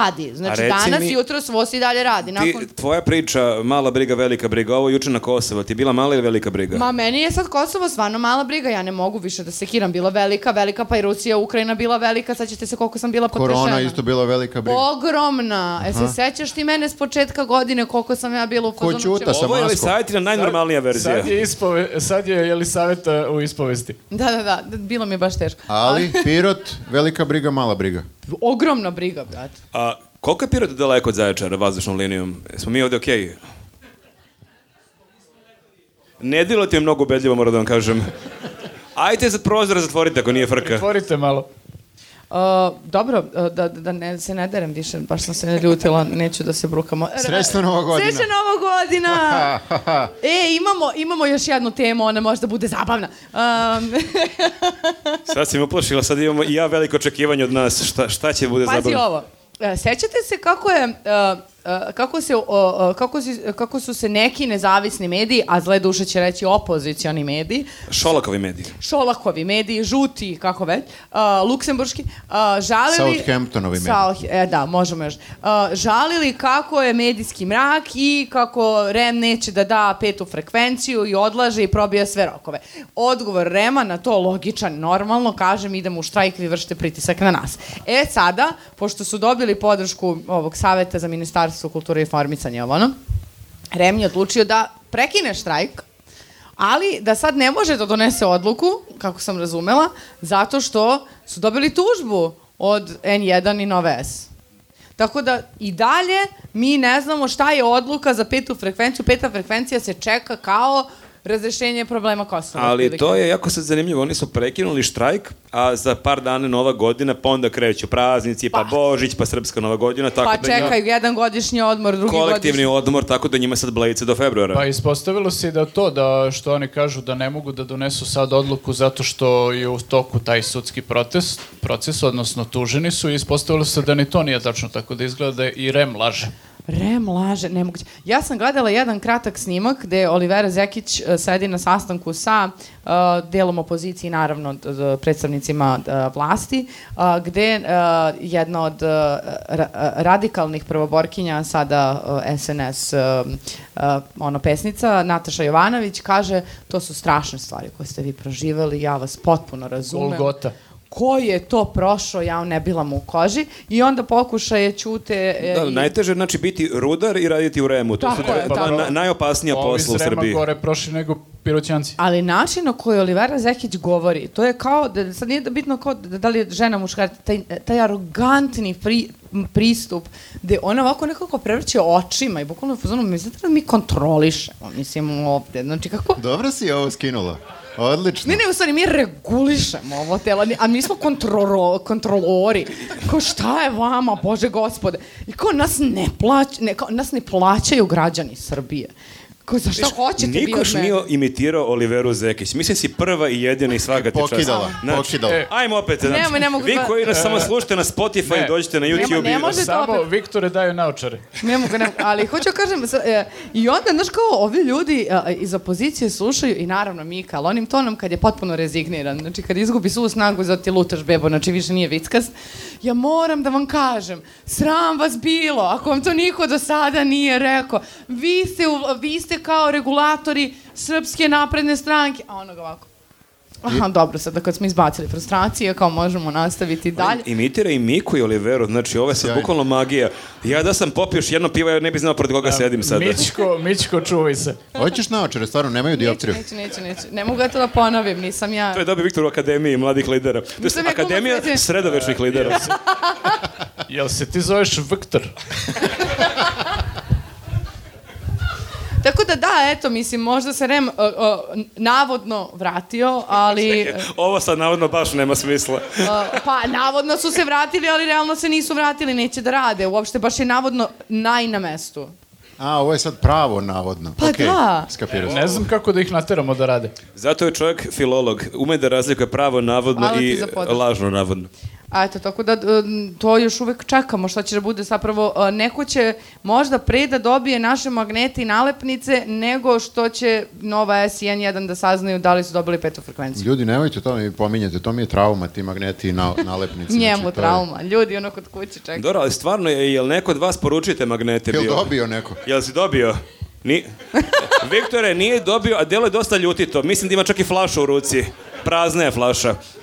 E, Dobio neko iza? Si dobila? Evo, pa znači, rade pošte. Dobro, 50% znači- ljudi ovde koji su poručili su dobili. Znači sad već je on u, u rukama pošte, nije do nas. Ne, ne možete da shvatite. Prvo, ja nisam znao da toliko ljudi žele besplatne stvari. Jel? Gledali smo te u podcastu Da. i pitali te, Viktore, jesi li siguran? Pritom, Viktor je to, moram da kažem, zaista uh, uh, sam u to ušao da nam nije čak ni rekao. Samo se upalila kamera i rekao je, ko god od vas želi besplatan magnet i nalepnicu, pišite, šaljemo vam. Kao koji to mi šaljemo, Viktore? Mi ja u tom trenutku nismo ni imali sve nalepnice. Ga, ja sam znači, pokušao da ga šutem ispod stola, ali sam ga promašio. E, ali znate šta, izgleda smo dobili odgovor kako je Vučić obećao po 100 evra. A, ali Spontano mu Stojana je- došlo. Kao, e, 100 evra, da, svima. Ali 100 evra su svi dobili. Znači, ove nalepnice nisu dobili ljudi. Ali ti nemaš ljude koji ima Vučić, mislim, mi smo... m, Napravio sam tvojim- ne, nekoliko grešaka sam napravio u, u Da, tom. što si obećao besplatne Reci nam nalepnice i nešto više o magnete. svojim greškama. Da, na, moraš precizno da kažeš. Znači, ako želiš nalepnice, staviš ime i prezime, grad, e, adres, kako već ide, nekim redom. O, ljudi su slali nadimke. Slat, slatka mala. Kao, Pošaljim e, ciletu u Beograd.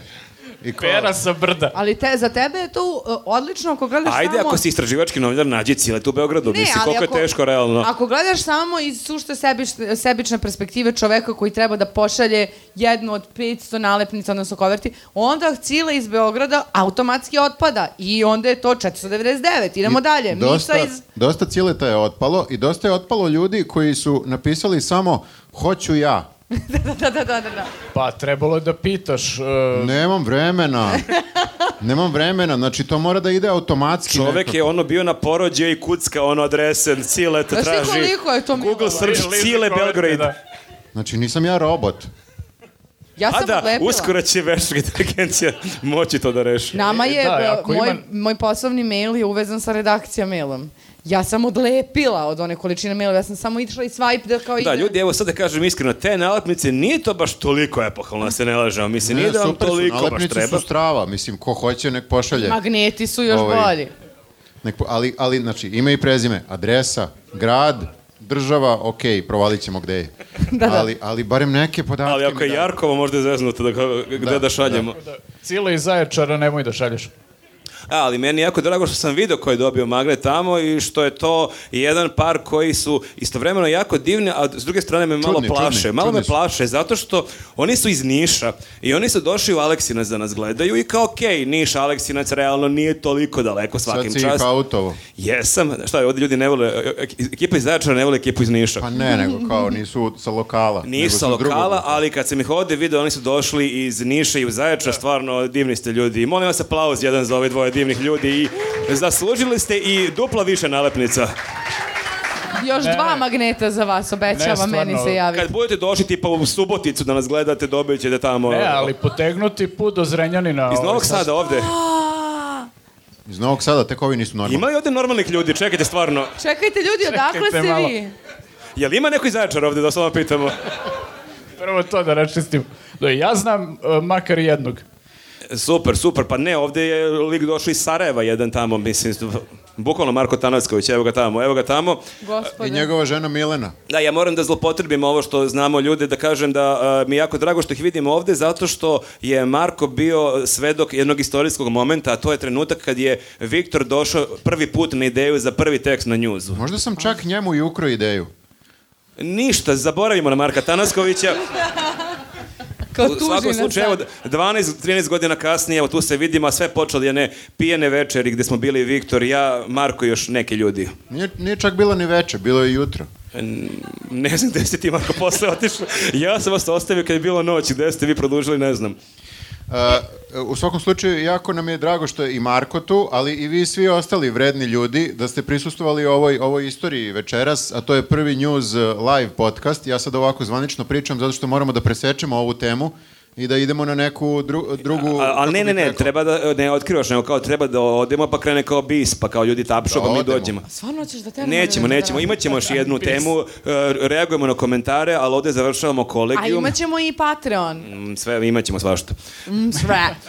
Ali ovo je bilo sve za kolegijum. Hvala, na- hvala što ste nas slušali, što ste nas istrpeli, naše, naše ovaj, depresivne teme. E, ali Koje? da nismo rekli ljudima koji nas gledaju na YouTube-u da mi sad ćemo imati neku pauzu sigurno tokom prve polovine januara, tako da se ne znamo tačno kada vidimo ponovo, ali Posle- negde polovinom januara se ponovo vidimo. ja mislim da se... Da, polovim, negde snijemo oko 16. 17. Ja znam šta ću raditi za vreme te pauze. Nalepnice. ću da- Nalepnice Jovana Jeremić. Tačno. Uh, hvala vam ljudi, prvo vama koji ste došli i vi koji uh, ste nas gledali sve ovo vreme, nadam se da vam se svidelo uh, i vidimo se u komentarima. E da, vi smišljate šta ćete nas pitate, možete vi i nas da pitate. Da, pošto ćemo kao- imati neke komentare koje čitamo, a onda očekujemo od vas još neke dodatne komentare na koje ćemo ostrašćeno da reagujemo. Uživo. O, Vidimo se ljudi, ćao. Vidimo se, čao.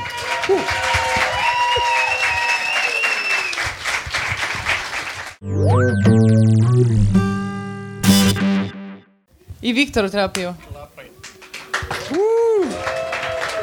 Nešto slabije, nešto E, Morat slabije. ćemo da nabavimo veštačku Ne, inteligenciju. ne, ovo je za ove razmažena klape. publika, već vidim prazne stolice. Ovo ti je oni NBA fazan, kad je polovreme, ono nema ih prvih 10 Da, da. minuta. Nije, evo, vraćaju se, sad A nemoj da ih bolje bi bilo šejmujemo. se vraćaju, stvarno Evo, mislim. deško je se on na stolicu kao posluš. A, Najgori su mi ovi što pričaju e, međusobno. To, e, što to mrazim. Što to, ja či, Užasni ljudi. I oni telefoni što zvone tamo, tišina s time. E, sad ću biti ja jedan od tih e, bolida koji gleda u telefon dok priča sa ljudima, zato što moram da čitam e, komentare. Okej. Da, ovo je Hoćemo- naša sta, skoro pa, nije baš stalna rubrika, ali to imamo tipa svaki treći podcast kada ostrašćeno reagujemo na komentare Kada na se YouTube-u. nakupe. Ovaj put je nešto drugačije, pošto jeli kao imamo ostrašćeno reagujemo na komentare gledalaca. Međutim, sad ste vi gledalci.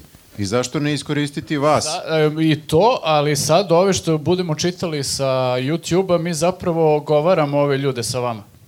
Jeste, a opet i njima la- lako je e, ostrašćeno odgovoriti nekome ko ti je napisao to iz svoje sobi koje Aj sad ti- negde. aj ti u Aj lice sad ti u nekom lice reci. reci ovim divnim ljudima nešto loše. Da, Tako da vidi- dobro promislite šta ćete da nam kažete i kako ćete da nam Vidi kažete. ovi u prvom, prvom redu kakvi su. Šemujemo ljude. Ništa, je li ima ovde neki izlaz s ove strane, čisto ono... Veliki prozor. Izvo- Na glavu. Salto mortale. Da, nije, nije ovo visoko, video sam ja, sve, na sve sam mislio. Ostraš- Čitaj. Krećemo, krećemo e, tvrdo i od, sta- od samog starta. Znači da, prvo čitamo komentare sa YouTube-a, a onda se vi uključujete i smislite neki komentar na koji ćemo odgovoriti. Volim što Viktorovo da svako izlaganje kreće, o to je tvrdo. Do kraja. Krećemo tvrdo i jako od samog starta. Kao Jovana Jaramić, idemo. Jagoda Matavolj kaže Nikada se niste ovako iskenjali. Okej. A ko je podcast sad? Ko, ko je bio tu? Je li imaš Pa, kontekst neki? Imam, imam kontekst. Jesam ja bio tu. E, e, mislim da nisi. Onda se stvarno jeste iskenjali. Ja A, bukvalno jeste, da. gledam, oni ne verujem. Dražić i ja nismo bili u tom podcastu i eto. I užas, evo. E, Matavolj se preziva žena, moguće da je iz Hrvatske. Međutim, da li se na hrvatskom kaže Rekla ovako? bi iskijenjali. Tačno. Pričali smo o Thompsonu. Pričali smo o E, Thompsonu. to je meni Tu potpuno si ludi. bio. Jeste, ali E, tu znate, jesmo stvarno. je, meni je to najveći šok ikada. Znači, nas su često napadali to, vi ste drugosrbijanci, vi ste ovi, vi ste oni. I kao na te napade sam navikao. O, s- Mi smo sad imali e, napad na njuzu kako mi nismo kapirali Thompsonove pesme i kako Thompson ima divne pesme, smo mi debili koji ne, s- ne slušaju Thompsona. I to smo imali takvih 10-15 komentara. Jeste, jeste, ovo je samo jedan od njih onako, kako bih rekao, koji obuhvata sve. O, o, Bilo je o, baš opširni komentara gde ljudi elaboriraju da nam objasne zašto je Thompson super i A zašto Da, ima mi ne kao kapiramo. dve, tri malo nacionalističke, ali- bože moj, ali ovo je ceo album pun ljubavnih Jeste, pesama. ali ima i ovakvih komentara samo uhalt, ali ste se, kako rekli, skenjali. Iskenjali, da. E, m- bilo je dosta komentara, vi niste ni slušali Thompsona, ne možete ni da pričate da je to sranje muzika. Ja sam rekao baš to je citat direktan, sranje muzika. Ja baš, baš sam poslušao nekoliko pesama, zato i znam da je sranje muzika, zato što sam poslušao. Ne Jeste, bi ja da. pričao na pamet. Ali nisi slušao cele albume, izgleda. Koncert sam gledao. Znači čovek, Čovjek čovek, gledao, Ja- bio sam na koncertu, nosio zastavu. ne, ne. Ja volim da slušam inače cele albume, tako slušam old school muziku i ovaj, doslušao sam dosta sranje muzike u svom životu, generalno, ovaj, ali ovo jeste, stvarno moram da kažem opet. Pritom, Mi smo to pustili da- redakciji, ono, delo je kao, i baš smo to zajedno konstatovali, da kao jako loša verzija bijelog dogmeta. Da, pritom, moraš uzeti u obzir, ja sam gledao i koncert. Čovjek izlazi u prsluku od kože, nema ništa ispod, izlagi, izlazi u prsluku od kože, ima mač, sevaju munje u pozadini. Znaš ti koliko mora ti bude dobra muzika da bi sve to funkcionisalo? Pazi, To- Bakarec je to pokušao sa svojom poezijom i nije mu uspelo. Čak i imao i tetovaže. Ne, ne, to s mačevima je jako klizav, klizav teren. Klizavo je. Metalci to često rade i to vrlo često ispadne baš loše. To tako se zove da- dvosekli mač. Jeste, a Thompsonu tek ne može da krene ono kako treba, zato što mu je muzika još tako, ne znam kako bih Znači, rekao. ti, Viktore, pošto je bio najradikalniji od svih nas i dalje stojiš pri teoriji i pri stavu da on ima sranje No, muzike. ne da stojim, nego sedim, ležim. Hoćete da a, a, a, malo uzburkamo strasti dodatno i da kažemo da i Baja Mali Kninđa ima lošu muziku i Ali onda da ljudi- i Hrvate i Srbe sve sucamo u komentare. Pa Rekli smo mi za Baju Malog Ninja. Jesmo, i Možemo onda su nas- opet. mi smo jedinili onda nacionalisti i u Srbiji i u Hrvatskoj Tako da smo je. mentoli. Tako. Ali moram ljudi, da to nije kažem- u- uzbur- uzburkivanje nikakvih strasti, znači to nije nikakva tabu tema, to je s- sranje muzika, to je... Činjenica. Činjenica je, nisam ja A- sad dirnuo u neku svetinju. Ja te razumem da ti živiš u jednom svom bablu. Ma kakvom a, bablu? U kome je to opšte poznato. Ali Naša evo tribina vidiš, sledeće godine tipa u Hrvatskoj, Thompson, E, ali super znaš ima šta? reči. E, On zanimljiva nam stvar, je, go- gost, bre. zanimljiva stvar je da fanovi Baje Malog Ninja uopšte nisu reagovali. Verovatno kad su videli u komentaru, ili odnosno kad je Viktor rekao kao Baja Mali Ninja je sranje, oni su rekli pa da, znamo. pa da, ja sam zato sada i tako eksplicitno, čak nisam iskoristila navodno, jer baš kao želim da kažem uh, da i Baja Malik Ninja ima užasnu muziku. Izvolite u komentarima sada. Bam! E, to je to. Ovi ljudi u... Ne, kao ovi što će da nas gledaju u, u, u sredu možda. Dobro, dobro. E, ovako, Aleksandar Marković, 3967, kaže Super ste, ali realno, podcasti u kojima je vlada su bar 30% bolji. Ali bar 30. Kako je procenio? Kako je da došlo do toga? Pa ne znam, Treba ali... nam, treba nam Zašto nije računica, rekao da. 25%? Ovaj bolje? podcast ovde je, znači, u startu ovom čoveku 30%... U startu nije imao šansu da bude takav. Ne. Ali imamo jelku. Ja e, takođe volim podcaste kada je tu vlada, ali više puta smo pričali, vlada neće da bude u svakom podcastu i to što ga navatamo jednom u 3-4 nedelje, to je njegov maksimum. Plus se plaši putovanja, to je isto... Plaži se putovanja. Sad sam izmislio. ali, ali zvuči jako Fobiju. ubedljivo. E, ovo je za tebe, Jelisaveta. Ajde. Girl of Summer kaže Slažem se Jelisaveta, bravo što si pomenula. I meni je golman Bonu presladak i premoćan u svakom sli- smislu. Smiley zastava Bonuove. Pa drago mi je da je još neko to primetio. Mislim, ne znam da li ima A, ovde jesi neke ti- žene u publici koje isto može to da A kaže. jesi ti primetila kako je on zajebo prvi gol u polufinalu? A, nisam. E, dobro. Ok, ali šta je ovo čovek se odbranio? A, ima druge kvalitete. Kakve penalčine je odbranio? Šta pričaš? Ko, ko im je obezbedio da idu u ja to- moram da to priznam da sam polufinale? taj podcast bio potpuno Finale. šokiran jer ti zaista znaš ukupno četiri futbalera i kad si izvukla da znaš prezime golmana Maroka, baš si me frapirala. To je možda naj, na- najveći šok koji sam ikad doživio od nečeg što ti kažeš. Ne, pa dobro, d- d- dosta sam te šokirala u životu, ali drago mi je da ne Ali prestajem. Bo- Bonu je ipak... Bonu, Bonu. Vrhunac. Drago mi je. Nek se javi još žena u komentarima da ne bude samo da smo Grlov Samar i ja usamljeni slučajevi. E, idemo dalje. User, JFK i tako dalje. Nije čovjek se ni u- udostojio da napiše ime, samo je teo ovo da nam kaže. Fore na nivou trećeg, četvrtog razreda osnovne. to su najbolje fore, realno. Ja se sećam, to je meni najbolji period u životu. Bukvalno su to najbolje Meni ne. fore. To je obrneš krug, znaš, i to su fore koje su tad smešnije, onda te malo blanko, ja brate, na šta se se smeju, onda kad se setiš tih najglupljih fora, to je uvek najsmešnije. Mhm. Tako da hvala. Hvala. Tačno se vidi ko je bio u školi bully, a ko je bio bulingovan. Ne, nisam bio boli, ali taj humor, taj e, glup humor je onako zanimljiv. Misliš buli. Bully. Izbacite ovog čoveka. E, I'm curvy and I like it, kaže. Oh, Opa! Šalim se. Obožavam, po znacima navoda, glavni sastav ekipe, ali moram priznati da su epizode kad uspete da dovučete vladu i grafu, i to u isti podcast, posebne. A posebna kao- je najbolja reč koja će...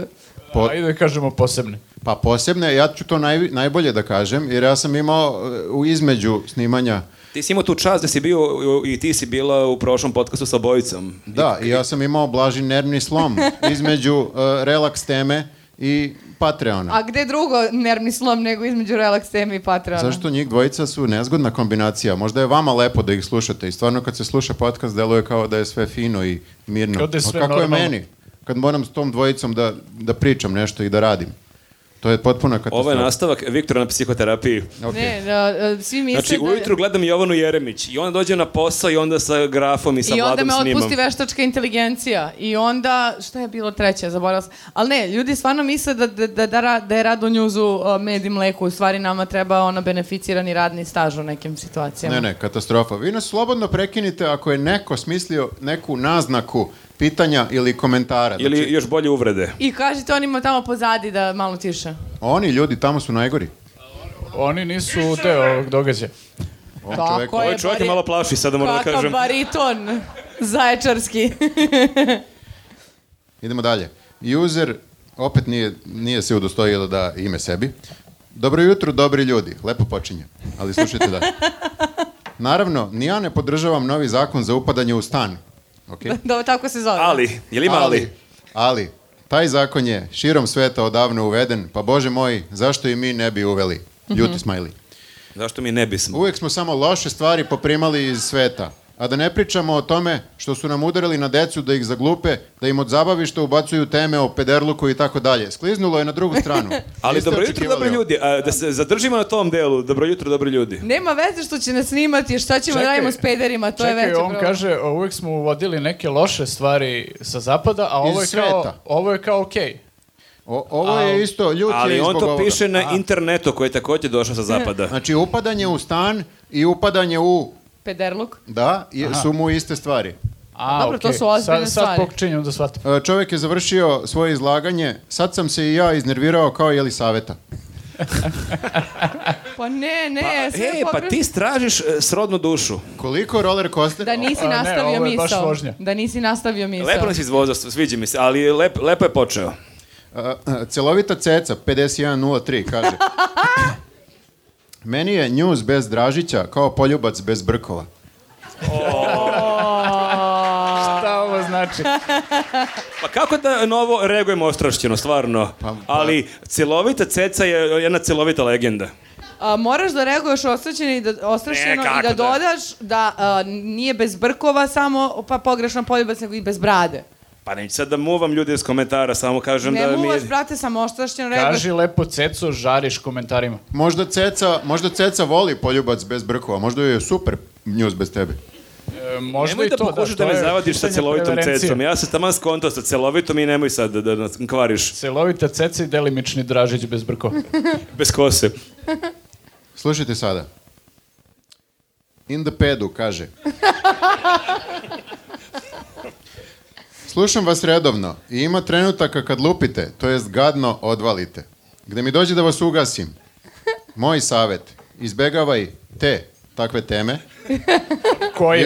ili se barem malo više potrudite oko njega. Potrudi te. Ko je on i šta je? Mislim na Nestorovića. A, okej. A, Dobro, ovaj Šta ste kraj, pričali? ovaj kraj delimično objašnjava i nepismenost. Ja sve vrijeme mislim da a, smo mi zaboravili da pričamo, ali izgleda da ja sam pričala u nekom podcastu, podcastu o tome kako a, Nestorović brani srpski gen. A to je bio, da, srpski Jeste. gen. Da, Jer da, to je bila nećemo tako. srpska- da Sad nam nam sad objašnjavali dođu da- te banke sperme sa špancima i dancima i da trpaju to u naše žene i da one d- daleko Wow, ovo je bilo. baš ostrašćeno rekao. Ovo si baš Šta ga slikovito. ti- Baš vizualizovala sve. Šta mi tu rađamo, jer polako. kao možda nisu ni španci I- ni danci, nego su tamo neki, ne daj Bože, migranti i kako će onda srpski genom da preživi takvu katastrofu? Ovo je ostrašćeno reagovanje na Nestorovića. Da. I tražiš neko soul pivo ili šta već ima, ne, neko špansko. Ne, a, na, pri, na primjer, vidiš, meni se isto čini da Nestorović je nekako nije tabu tema, u smislu kao da kad kažeš nešto da je očigledno da lik ima neke zadnje namere i da nije možda baš sasvim doktor, nego kao više koristi internet. Internet. Ali, internet, ali, ali izgleda da ima ljudi koji, vo- kao i Thompsona, vole i njega. Jeste, jeste. Ima i lekara koji ga gotivi, koji ga ceni i misle da je on i dalje stručno lice koje treba Dobro, slušati. meni je o, o, Tebi razumljivo je drag da se- on. Ne, meni je razumljivo da se neko naljutio što pričamo nešto o Nestoroviću, ali ja sam i dalje frapiran koliko ljudi je branilo Thompsona. Taj deo mi je potpuno Ne, ne, neverovatan. ali Nestorović ima jako lepe ljubavne pesme, ne znam da, si, da li si slušao. Jeste, pesma o šopingu u Milanu mi je omiljena. E, Betonjerka 1 kaže Ovo je meni posvećeno i nalepnicama čuvenim. Ej, Viktore, nemoj toliko da se vadiš. Imam i ja bebu od dva meseca. Nije baš da ne možeš do pošte da odeš. Pa lepo ti rekla žena, ali te sramota sad? Malo te išemovala. A ljudi, odlazak do pošte je bio najmanji problem. Znači, tu je trebalo, tu je trebalo ubacivati. S- Ko je ubacivo? Kaži pred ljudima ovde. Zajedno smo svi. I ali- seckali. I, s- lepili. i se- i na- znate koliko je toga bilo? To je neverovatno. Još ja, ja ću još malo da pričam o ovome. Nenad, ja verovatno i dalje Pošto mi je imamo trauma. ožiljke ovde. Žuljeve. Žuljeve imamo, stvarno, na kao radilice male smo radili. Tako da odlazak, ali ko je, ko je e, lepo i štampao njihove Ali adrese? na što je fora? Viktor Zapravo, Marković. i, ali ja sam ti to uvalio kao oskor. Ja sam pokušavao da te o, opravdam dok si e, bio odsutan dva, tri podcasta, pa sam rekao da si postao ćale i da se izvinjavam u tvoje ime ako ne uspevaš da pošalješ te nalepnice. Tako da ja sam kriv. Pa dobro, ti jesi kriv jer ništa nisi pomagao. je Nisam, tačno. jer sam učestvovao 0% u toj i- genijalnoj ideji da šaljemo nalepnice. I ja sam- Nenad i ja, ali sam smo u startu rekao, prijateljski. u startu sam rekao sam si ovome. Da, Dražić je u fazonu, nisi me ništa ni pitao. Bukvalno me nisi pitao. Ali to je neka solidarnost. Apsolutno, među, ja se među, slažem. Među bolidima. Ok. Prvi među bolidima. Pa jeste, da. Ovako, Pančo uh, Vilja 403. Pa ovo je možda bio pa, pa ovo je možda bila i najjači podcast ikad, ok? Svaka čast i srećan rođendan u backstage-u vrednoj Teodori. I moja se jedan da. aplauz za Teodoru. Lep komentar za Teo. Moramo da pomenemo jer stvarno ovaj, one, one girl show, one woman show koja i, i ton i, i film i sve. I svetlo, i Vi sve. imate tu čast, vi ste bukvalno prvi ljudi koji vide kako Teodora izgleda. Mi nju snimimo neka na dve sekunde, ona ne voli da e, snimamo. I on nam ali- preti da će otići. Ali ima dosta fanova, baš ima dosta ljudi koji traže da je snimamo češće u podcastu. Znači, mi Mislim, smo- nas baš mnogi ljudi, čudni ljudi ako slušaju, baš vole taj moment kad okrenemo kadar na dve sekunde. Tačno. Da, mi- i o, mislim, ako bude neke veštačke inteligencije koje može da radi tvoj posao, sigurno nećemo te zamenimo, osim ako ne bude baš mnogo jeftinije. Mada je da- jedanput, jedanput nam je falio jedan i onda smo imali ideju da gostuješ u jednoj, u jednoj temi, ali sam vidio da baš n- to ne želiš. Dobro, ali se- pripremamo je, pripremamo pripremamo je. Tako da evo, možemo da otkrijemo ekskluzivno da će tokom 2023. ova divna marljiva devojka biti u onom podcastu Jednog sa dana nama. sedi s nama za Kako stol. uveljivanje koske. Ljudi, mi smo bili, bili smo na snimanju onog Galebovog live podcasta. Tu je ekipa radila od 17 ljudi. To je sve ova devojka. Kod nas je to sve ova devojka. Ali dobro, mi nemamo live, ali opet kod nas je sve to ova devojka. Nemoj da braniš Galeba, bre, hvali svoj drugaricu. Ne, ja sam potpuno pozorno, ljudi očekuju sad ovde, kad se ovo sve snima i mi ovo pričamo, da iza tamo stoji još pet ljudi i kao bavi se raznim stvarima, kamerama, zvukom, svetlom, ovo ono, a mi sad kao otkrivamo da je to sve jedna žena i to kakva, tako da...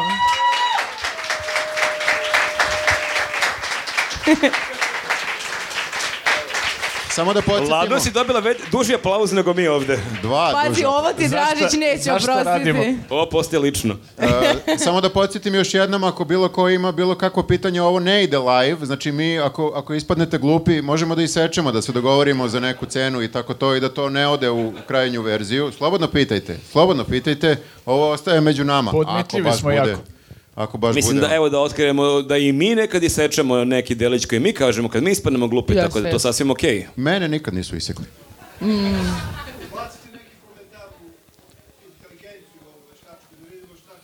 Da ubacimo A. komentar, aha, da Dobili ubacimo smo- komentar, da, do, dobar, dobar savet. Da E, to je dobra ubacimo ideja, u da. veštačku inteligenciju neki komentar na naš podcast pa da čujemo šta će da kaže. Da, kao par Da, da komentara. robot odgovori. Ovo moram da ponavljam, ne zato što nisu čuli, nego da bi ljudi koji nas prate shvatili. Ali to bi šta se- značilo da robot mora da odgleda sve podcaste. To je malo previše. iz- Robot, Pa da robot se pročita. ubije. Viktore, samo Ma pročita. ne mora, nek odgovori što god. Evo ovako, idemo dalje. I- i- User taj i taj. Zašto ljudi više nemaju svoje, svoje imena kao nekada na internetu? Neko je, neko je napisao kako mu je postava iz prethodnog podcasta najjača. Meni je ovo prvi sastav. Viktor, Vladimir i Elisaveta su najkomičniji. Hvala. Viktor i Vladovi- Vladimir su duhoviti, Elisaveta je smiješna, jer je žena. šta kažeš? Kako đubre, bre. Kažeš hvala. Kako đubre. Ja sam smiješna, a vi ste duhoviti. Ali smiješna si zato što si žena. Ali ovo je sad malo smiješno ova tvoja reakcija, Da. moram ti kažem. Pa kako da bude, kako da bude moja reakcija? A Kako bi ti reagovao, ti si smiješan zato što si Pa i muškarac? me, meni je dovoljno što, nije, što me nigde nije ni spomenuo, tako da sam ja duboko pogođen, ali ti si smiješno stvarno. Jednog dana kad žene budu ma masovno ostavljale komentara, bude bio jedan muškarac sa tri žene u podcastu i kad bude bilo muškara, smiješan si zato što si muškarac, e onda ćemo da vidimo kako će Možemo muškarac kao reagovati. novogodišnju rezoluciju za sledeću godinu da, da imamo više žena u podcastu. Evo, ja sam najavio jednu divnu, vrednu ženu. Evo, jedva čeka. To će već da bude 50-50. Odu, oduševljena vidim. E, ali možemo u popkastu, možemo u popkastu da se potrudimo, inače, na- znate naš popkast, da, da, da, da, e. A, imali smo jednog gosta, bio je Branislav Trifunović, Kad možemo... s- pričamo o ženama, bio je Branislav. Da, kad Stefanović. pričamo o ženama, možemo da se dogovorimo da sledeći, volim što u uživo pred publikom i dok snimamo dogovaramo šta će biti sledeći popkast, možemo da dovedemo neku ženu, to je bilo. Ovo nije obećanje, ovo je čisto naglas razmišljamo. Ludom radovanje, da. Kao nalepnice. Ne može. Ljubiša Vazić, 7879, kaže Pa nema smisla, kako ste namazani? O poskupljenju taksija pričate za Patreon koji se plaća. Genijalno, genijalno. I to sam ja tek posle shvatio. Znači, mi- Mhm. Ali mi nismo poskupili, što se ljuti? ali moraš da platiš. Pa mo, ali Mnogo je- no- minimalno. Znaš kako, on Ako nema, plaćaš kompju, taksi- nema kompjuter kod kuće, on mora taksijem da ide do tačke B gde ima kompjuter i onda već plati to skuplje i onda mora da plati i nas da nas gleda. Pazi, ako plaćaš već taj preskupi taksi, imaš i naš, za naš jeftini patron. Je Da. li ovde u Zaječaru poskupa taksi poslednjih dana?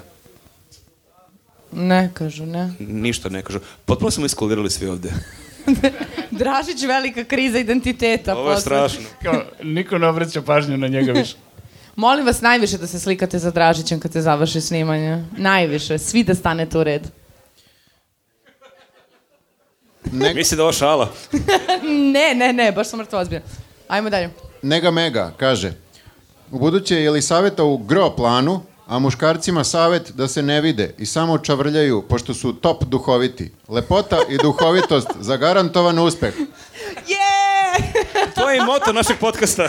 Ovo je trebalo da bude e, kao Ovo je pohvala, pohvala, da. ali nas je u- o- uvredio i tebe, Uvredio je sve. uvredio je i nas. Ne, e, ne, Mi smo respe- ružni, ti nisi duhovita. Respekt za čoveka. Znači, Svaka čast. stvarno, ovo treba uspeti. Sramite se. Ne, ne, ili sam smiješna, ili sam žena, Da, ili da sam istovremeno samo se lijepa. pohvalio i uvredio, baš to nije lako. E, Marko Vuković, 675, pita Jesu u studiju sve gejevi? A, da. To smo mi, misli na nas. Na nas misli. Čekaj, da na koga... Ne, ne. Ovo zvuči kao kad je, višekrno, kad je Teša Pa pi- nisu pitao svi. višekrno. Pa da? nisu svi. Nisu svi. Sam vas bilo to da radite, kolega. Šta? Pa šta? Čekaj, je li Ma Grafa nisu bio svi. to podcastu beše? Na gra... Na... Bio je. Dražiću, dobit će, a, morat ćeš javni demanti da radiš 31. ono u 10 uveče. Ajmo dalje. E, Na, na, na podcast o Thompsonu, gde je bilo masa negativnih komentara. Bal, Baltika Ko kaže, koliko vidim, ovde je bilo brisanja komentara u emisiji koja kritikuje cenzuru, ili ne? Nikad nismo obrisali komentar. Ali, ili ne. Hmm? Pa znači... pa- Često to, kada, kad neko ne uspe da ostavi komentar, nismo mi ništa brisali. Znači, ti nisi Mi smo uspeo... ukupno obrisali možda pet komentara Jedini za ove dve kom- godine, to neke da. baš brutalne gde je nešto, baš i ekstremno ono. Vređanje na Vređanje, neku... pretnje. Pre, da, da, da. Baš onako neke koje uopšte nisu, nemaju veze, čak nisu ni bezobrazni, nego su kao uvredljivi na toliko nivoa. Da. Ali ljudi i to smatraju za cenzuru.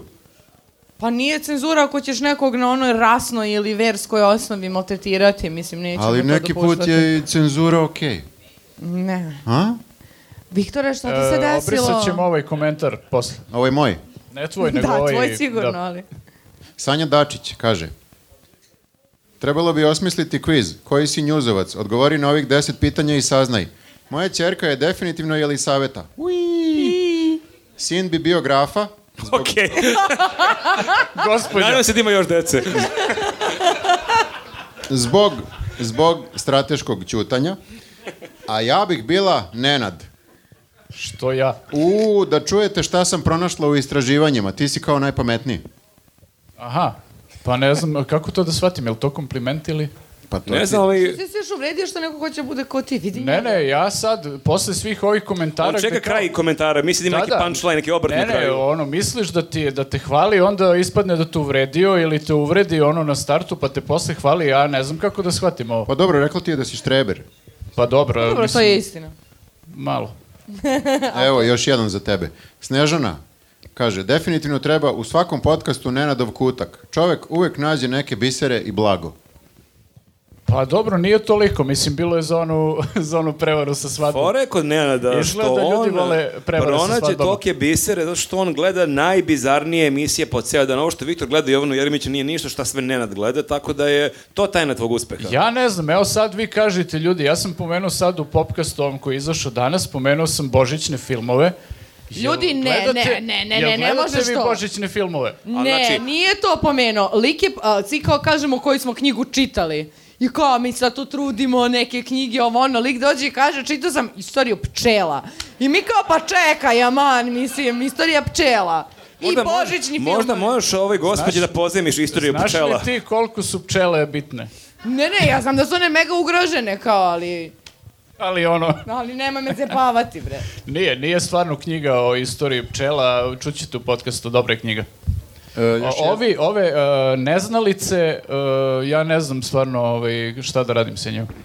Dakle, ako neko želi da čuje najbolje, za preporuke za najbolje knjige o pčelama, nek pita Nenada Tako posle je. ovog gostovanja. jedan- e, još jednom da proverimo da li neko ima komentar. Ajde malo da presečemo, kao treba nam dinamike. i to. Teodora, Ajde. snimi publiku da veruju Da ljudi. im bude jako neprijatno, sad ih zoomira jednog Ajde, po ajde, jednog. neko, neko, nešto. Vidite, možete da komentarišete, možete da pitate. Ne, ne, ne, mislit će ljudi da niko nije bio, da ja sve vreme pozivam i kao nema nikog tamo. Kao Mislim- ona konferencija za štampu Orliće, kada pi, kaže, ili ima neko još neko pitanje, ako nema, onda ništa, ono, nigde nikog. Zoom out, niko ne sedi. A Ne znam da li ovde- znate o čemu pričamo. Vidi koliko, vidi koliko divnih ljudi, vrednih ljudi. Zašto ste, e, vi ste kao stidljiva publika, nećete da... Nemoj da ih vređaš, ove divni, marljive ljude. Ostrašćeno reagujem na publiku, to je A segment. ne možeš u startu da ih uplašiš, čekaj da pitaju, pa onda odgovori ostrašćeno.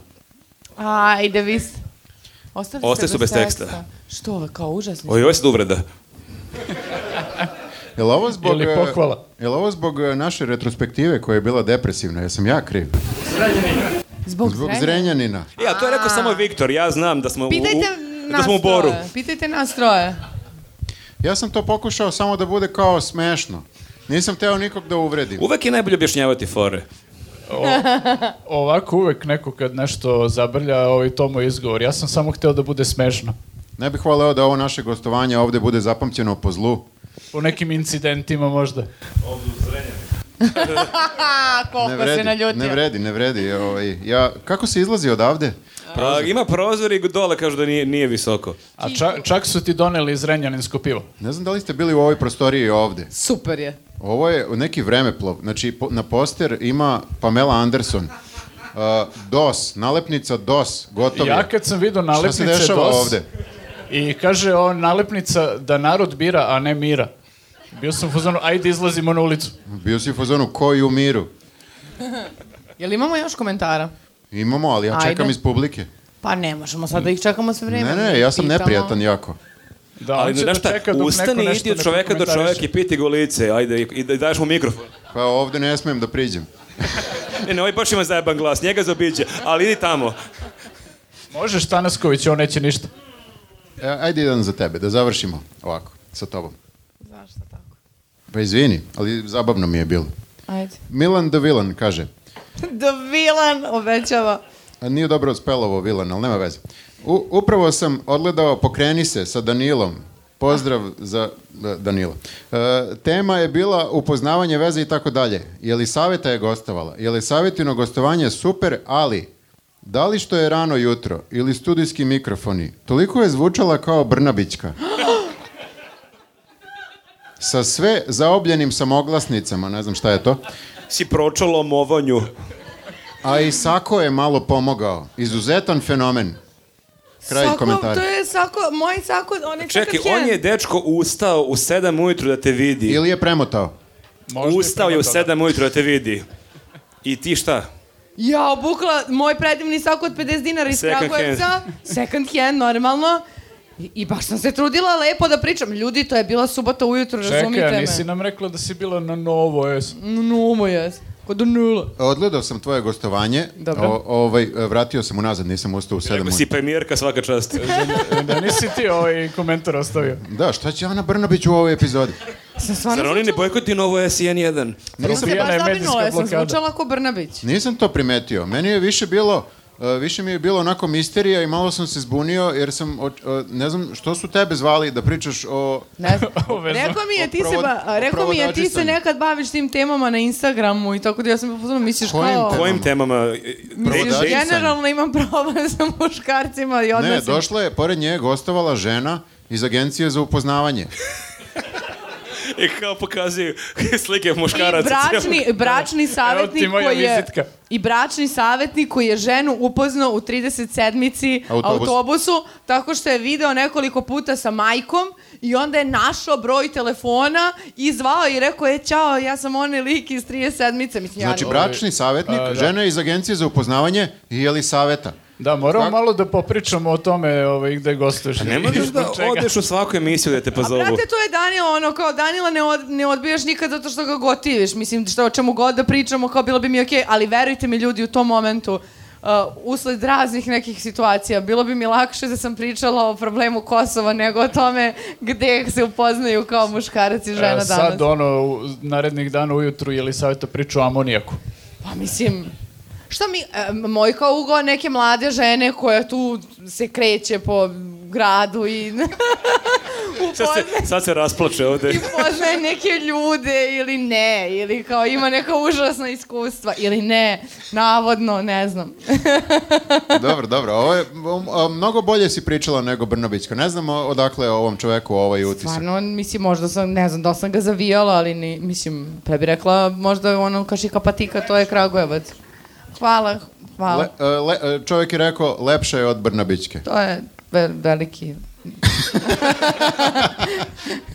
E, hvala vam ljudi na mnogobrojnim komentarima Pa koje čekaj, ste... pruži ljudima drugu šansu, znači, ajde, sad ja verujem, verujem u drugu šansu. E, gospo, e, samo da kažem, nije na, nisu najdalje došli ljudi iz Novog Sada e, i Niša, je li Niša? E, Ni- Niša. Tako je, nego čovek iz Travnika e, je došao ne samo da nam radi zvuk, nego je ovde živi već 9 da godina. nam ispriča hroniku. Da, da. Tako da on ima neko pitanje sigurno za nas. Kako si? Brate, kako si me izdao? Baš si me prodao onako... Ne možeš tako, to ne mo- nikad se ne završi dobro. Znaš šta je fora? Ljudi, ljudi uvek imaju pitanje na svim našim tribinama, ovo je prvi put da to snimamo i ljudi imaju sad tu kočnicu kao ja hoću, iz- izaći će na YouTube-u, vidjet će me svi. Neko je rekao imam, imam. Imaš tremu i Ajmo imaš... Travnik, tako je bre! S čim je burek? Jao, jevo te. S mecom! Da je u- Jesam mu rekla ispravno? Pogodila si. A, reka si, ali... e, Ja imam malo problem s tim, znači... A, evo ga ovaj Sad će smarač. njegova frustracija. Evo, čovek i- koji sad živi u Sarajevu. Re, objasni Tanaskoviću. Tamo? Ja moram ponavljati zbog ljudi koji nas gledaju. Tamo je Burek pita. Da. Među svim ostalim pitama. Aj, malo kraće priče, ne mogu da ponavljam ovoliko. I izbila je tuča sada u publici oko bureka sa sirom.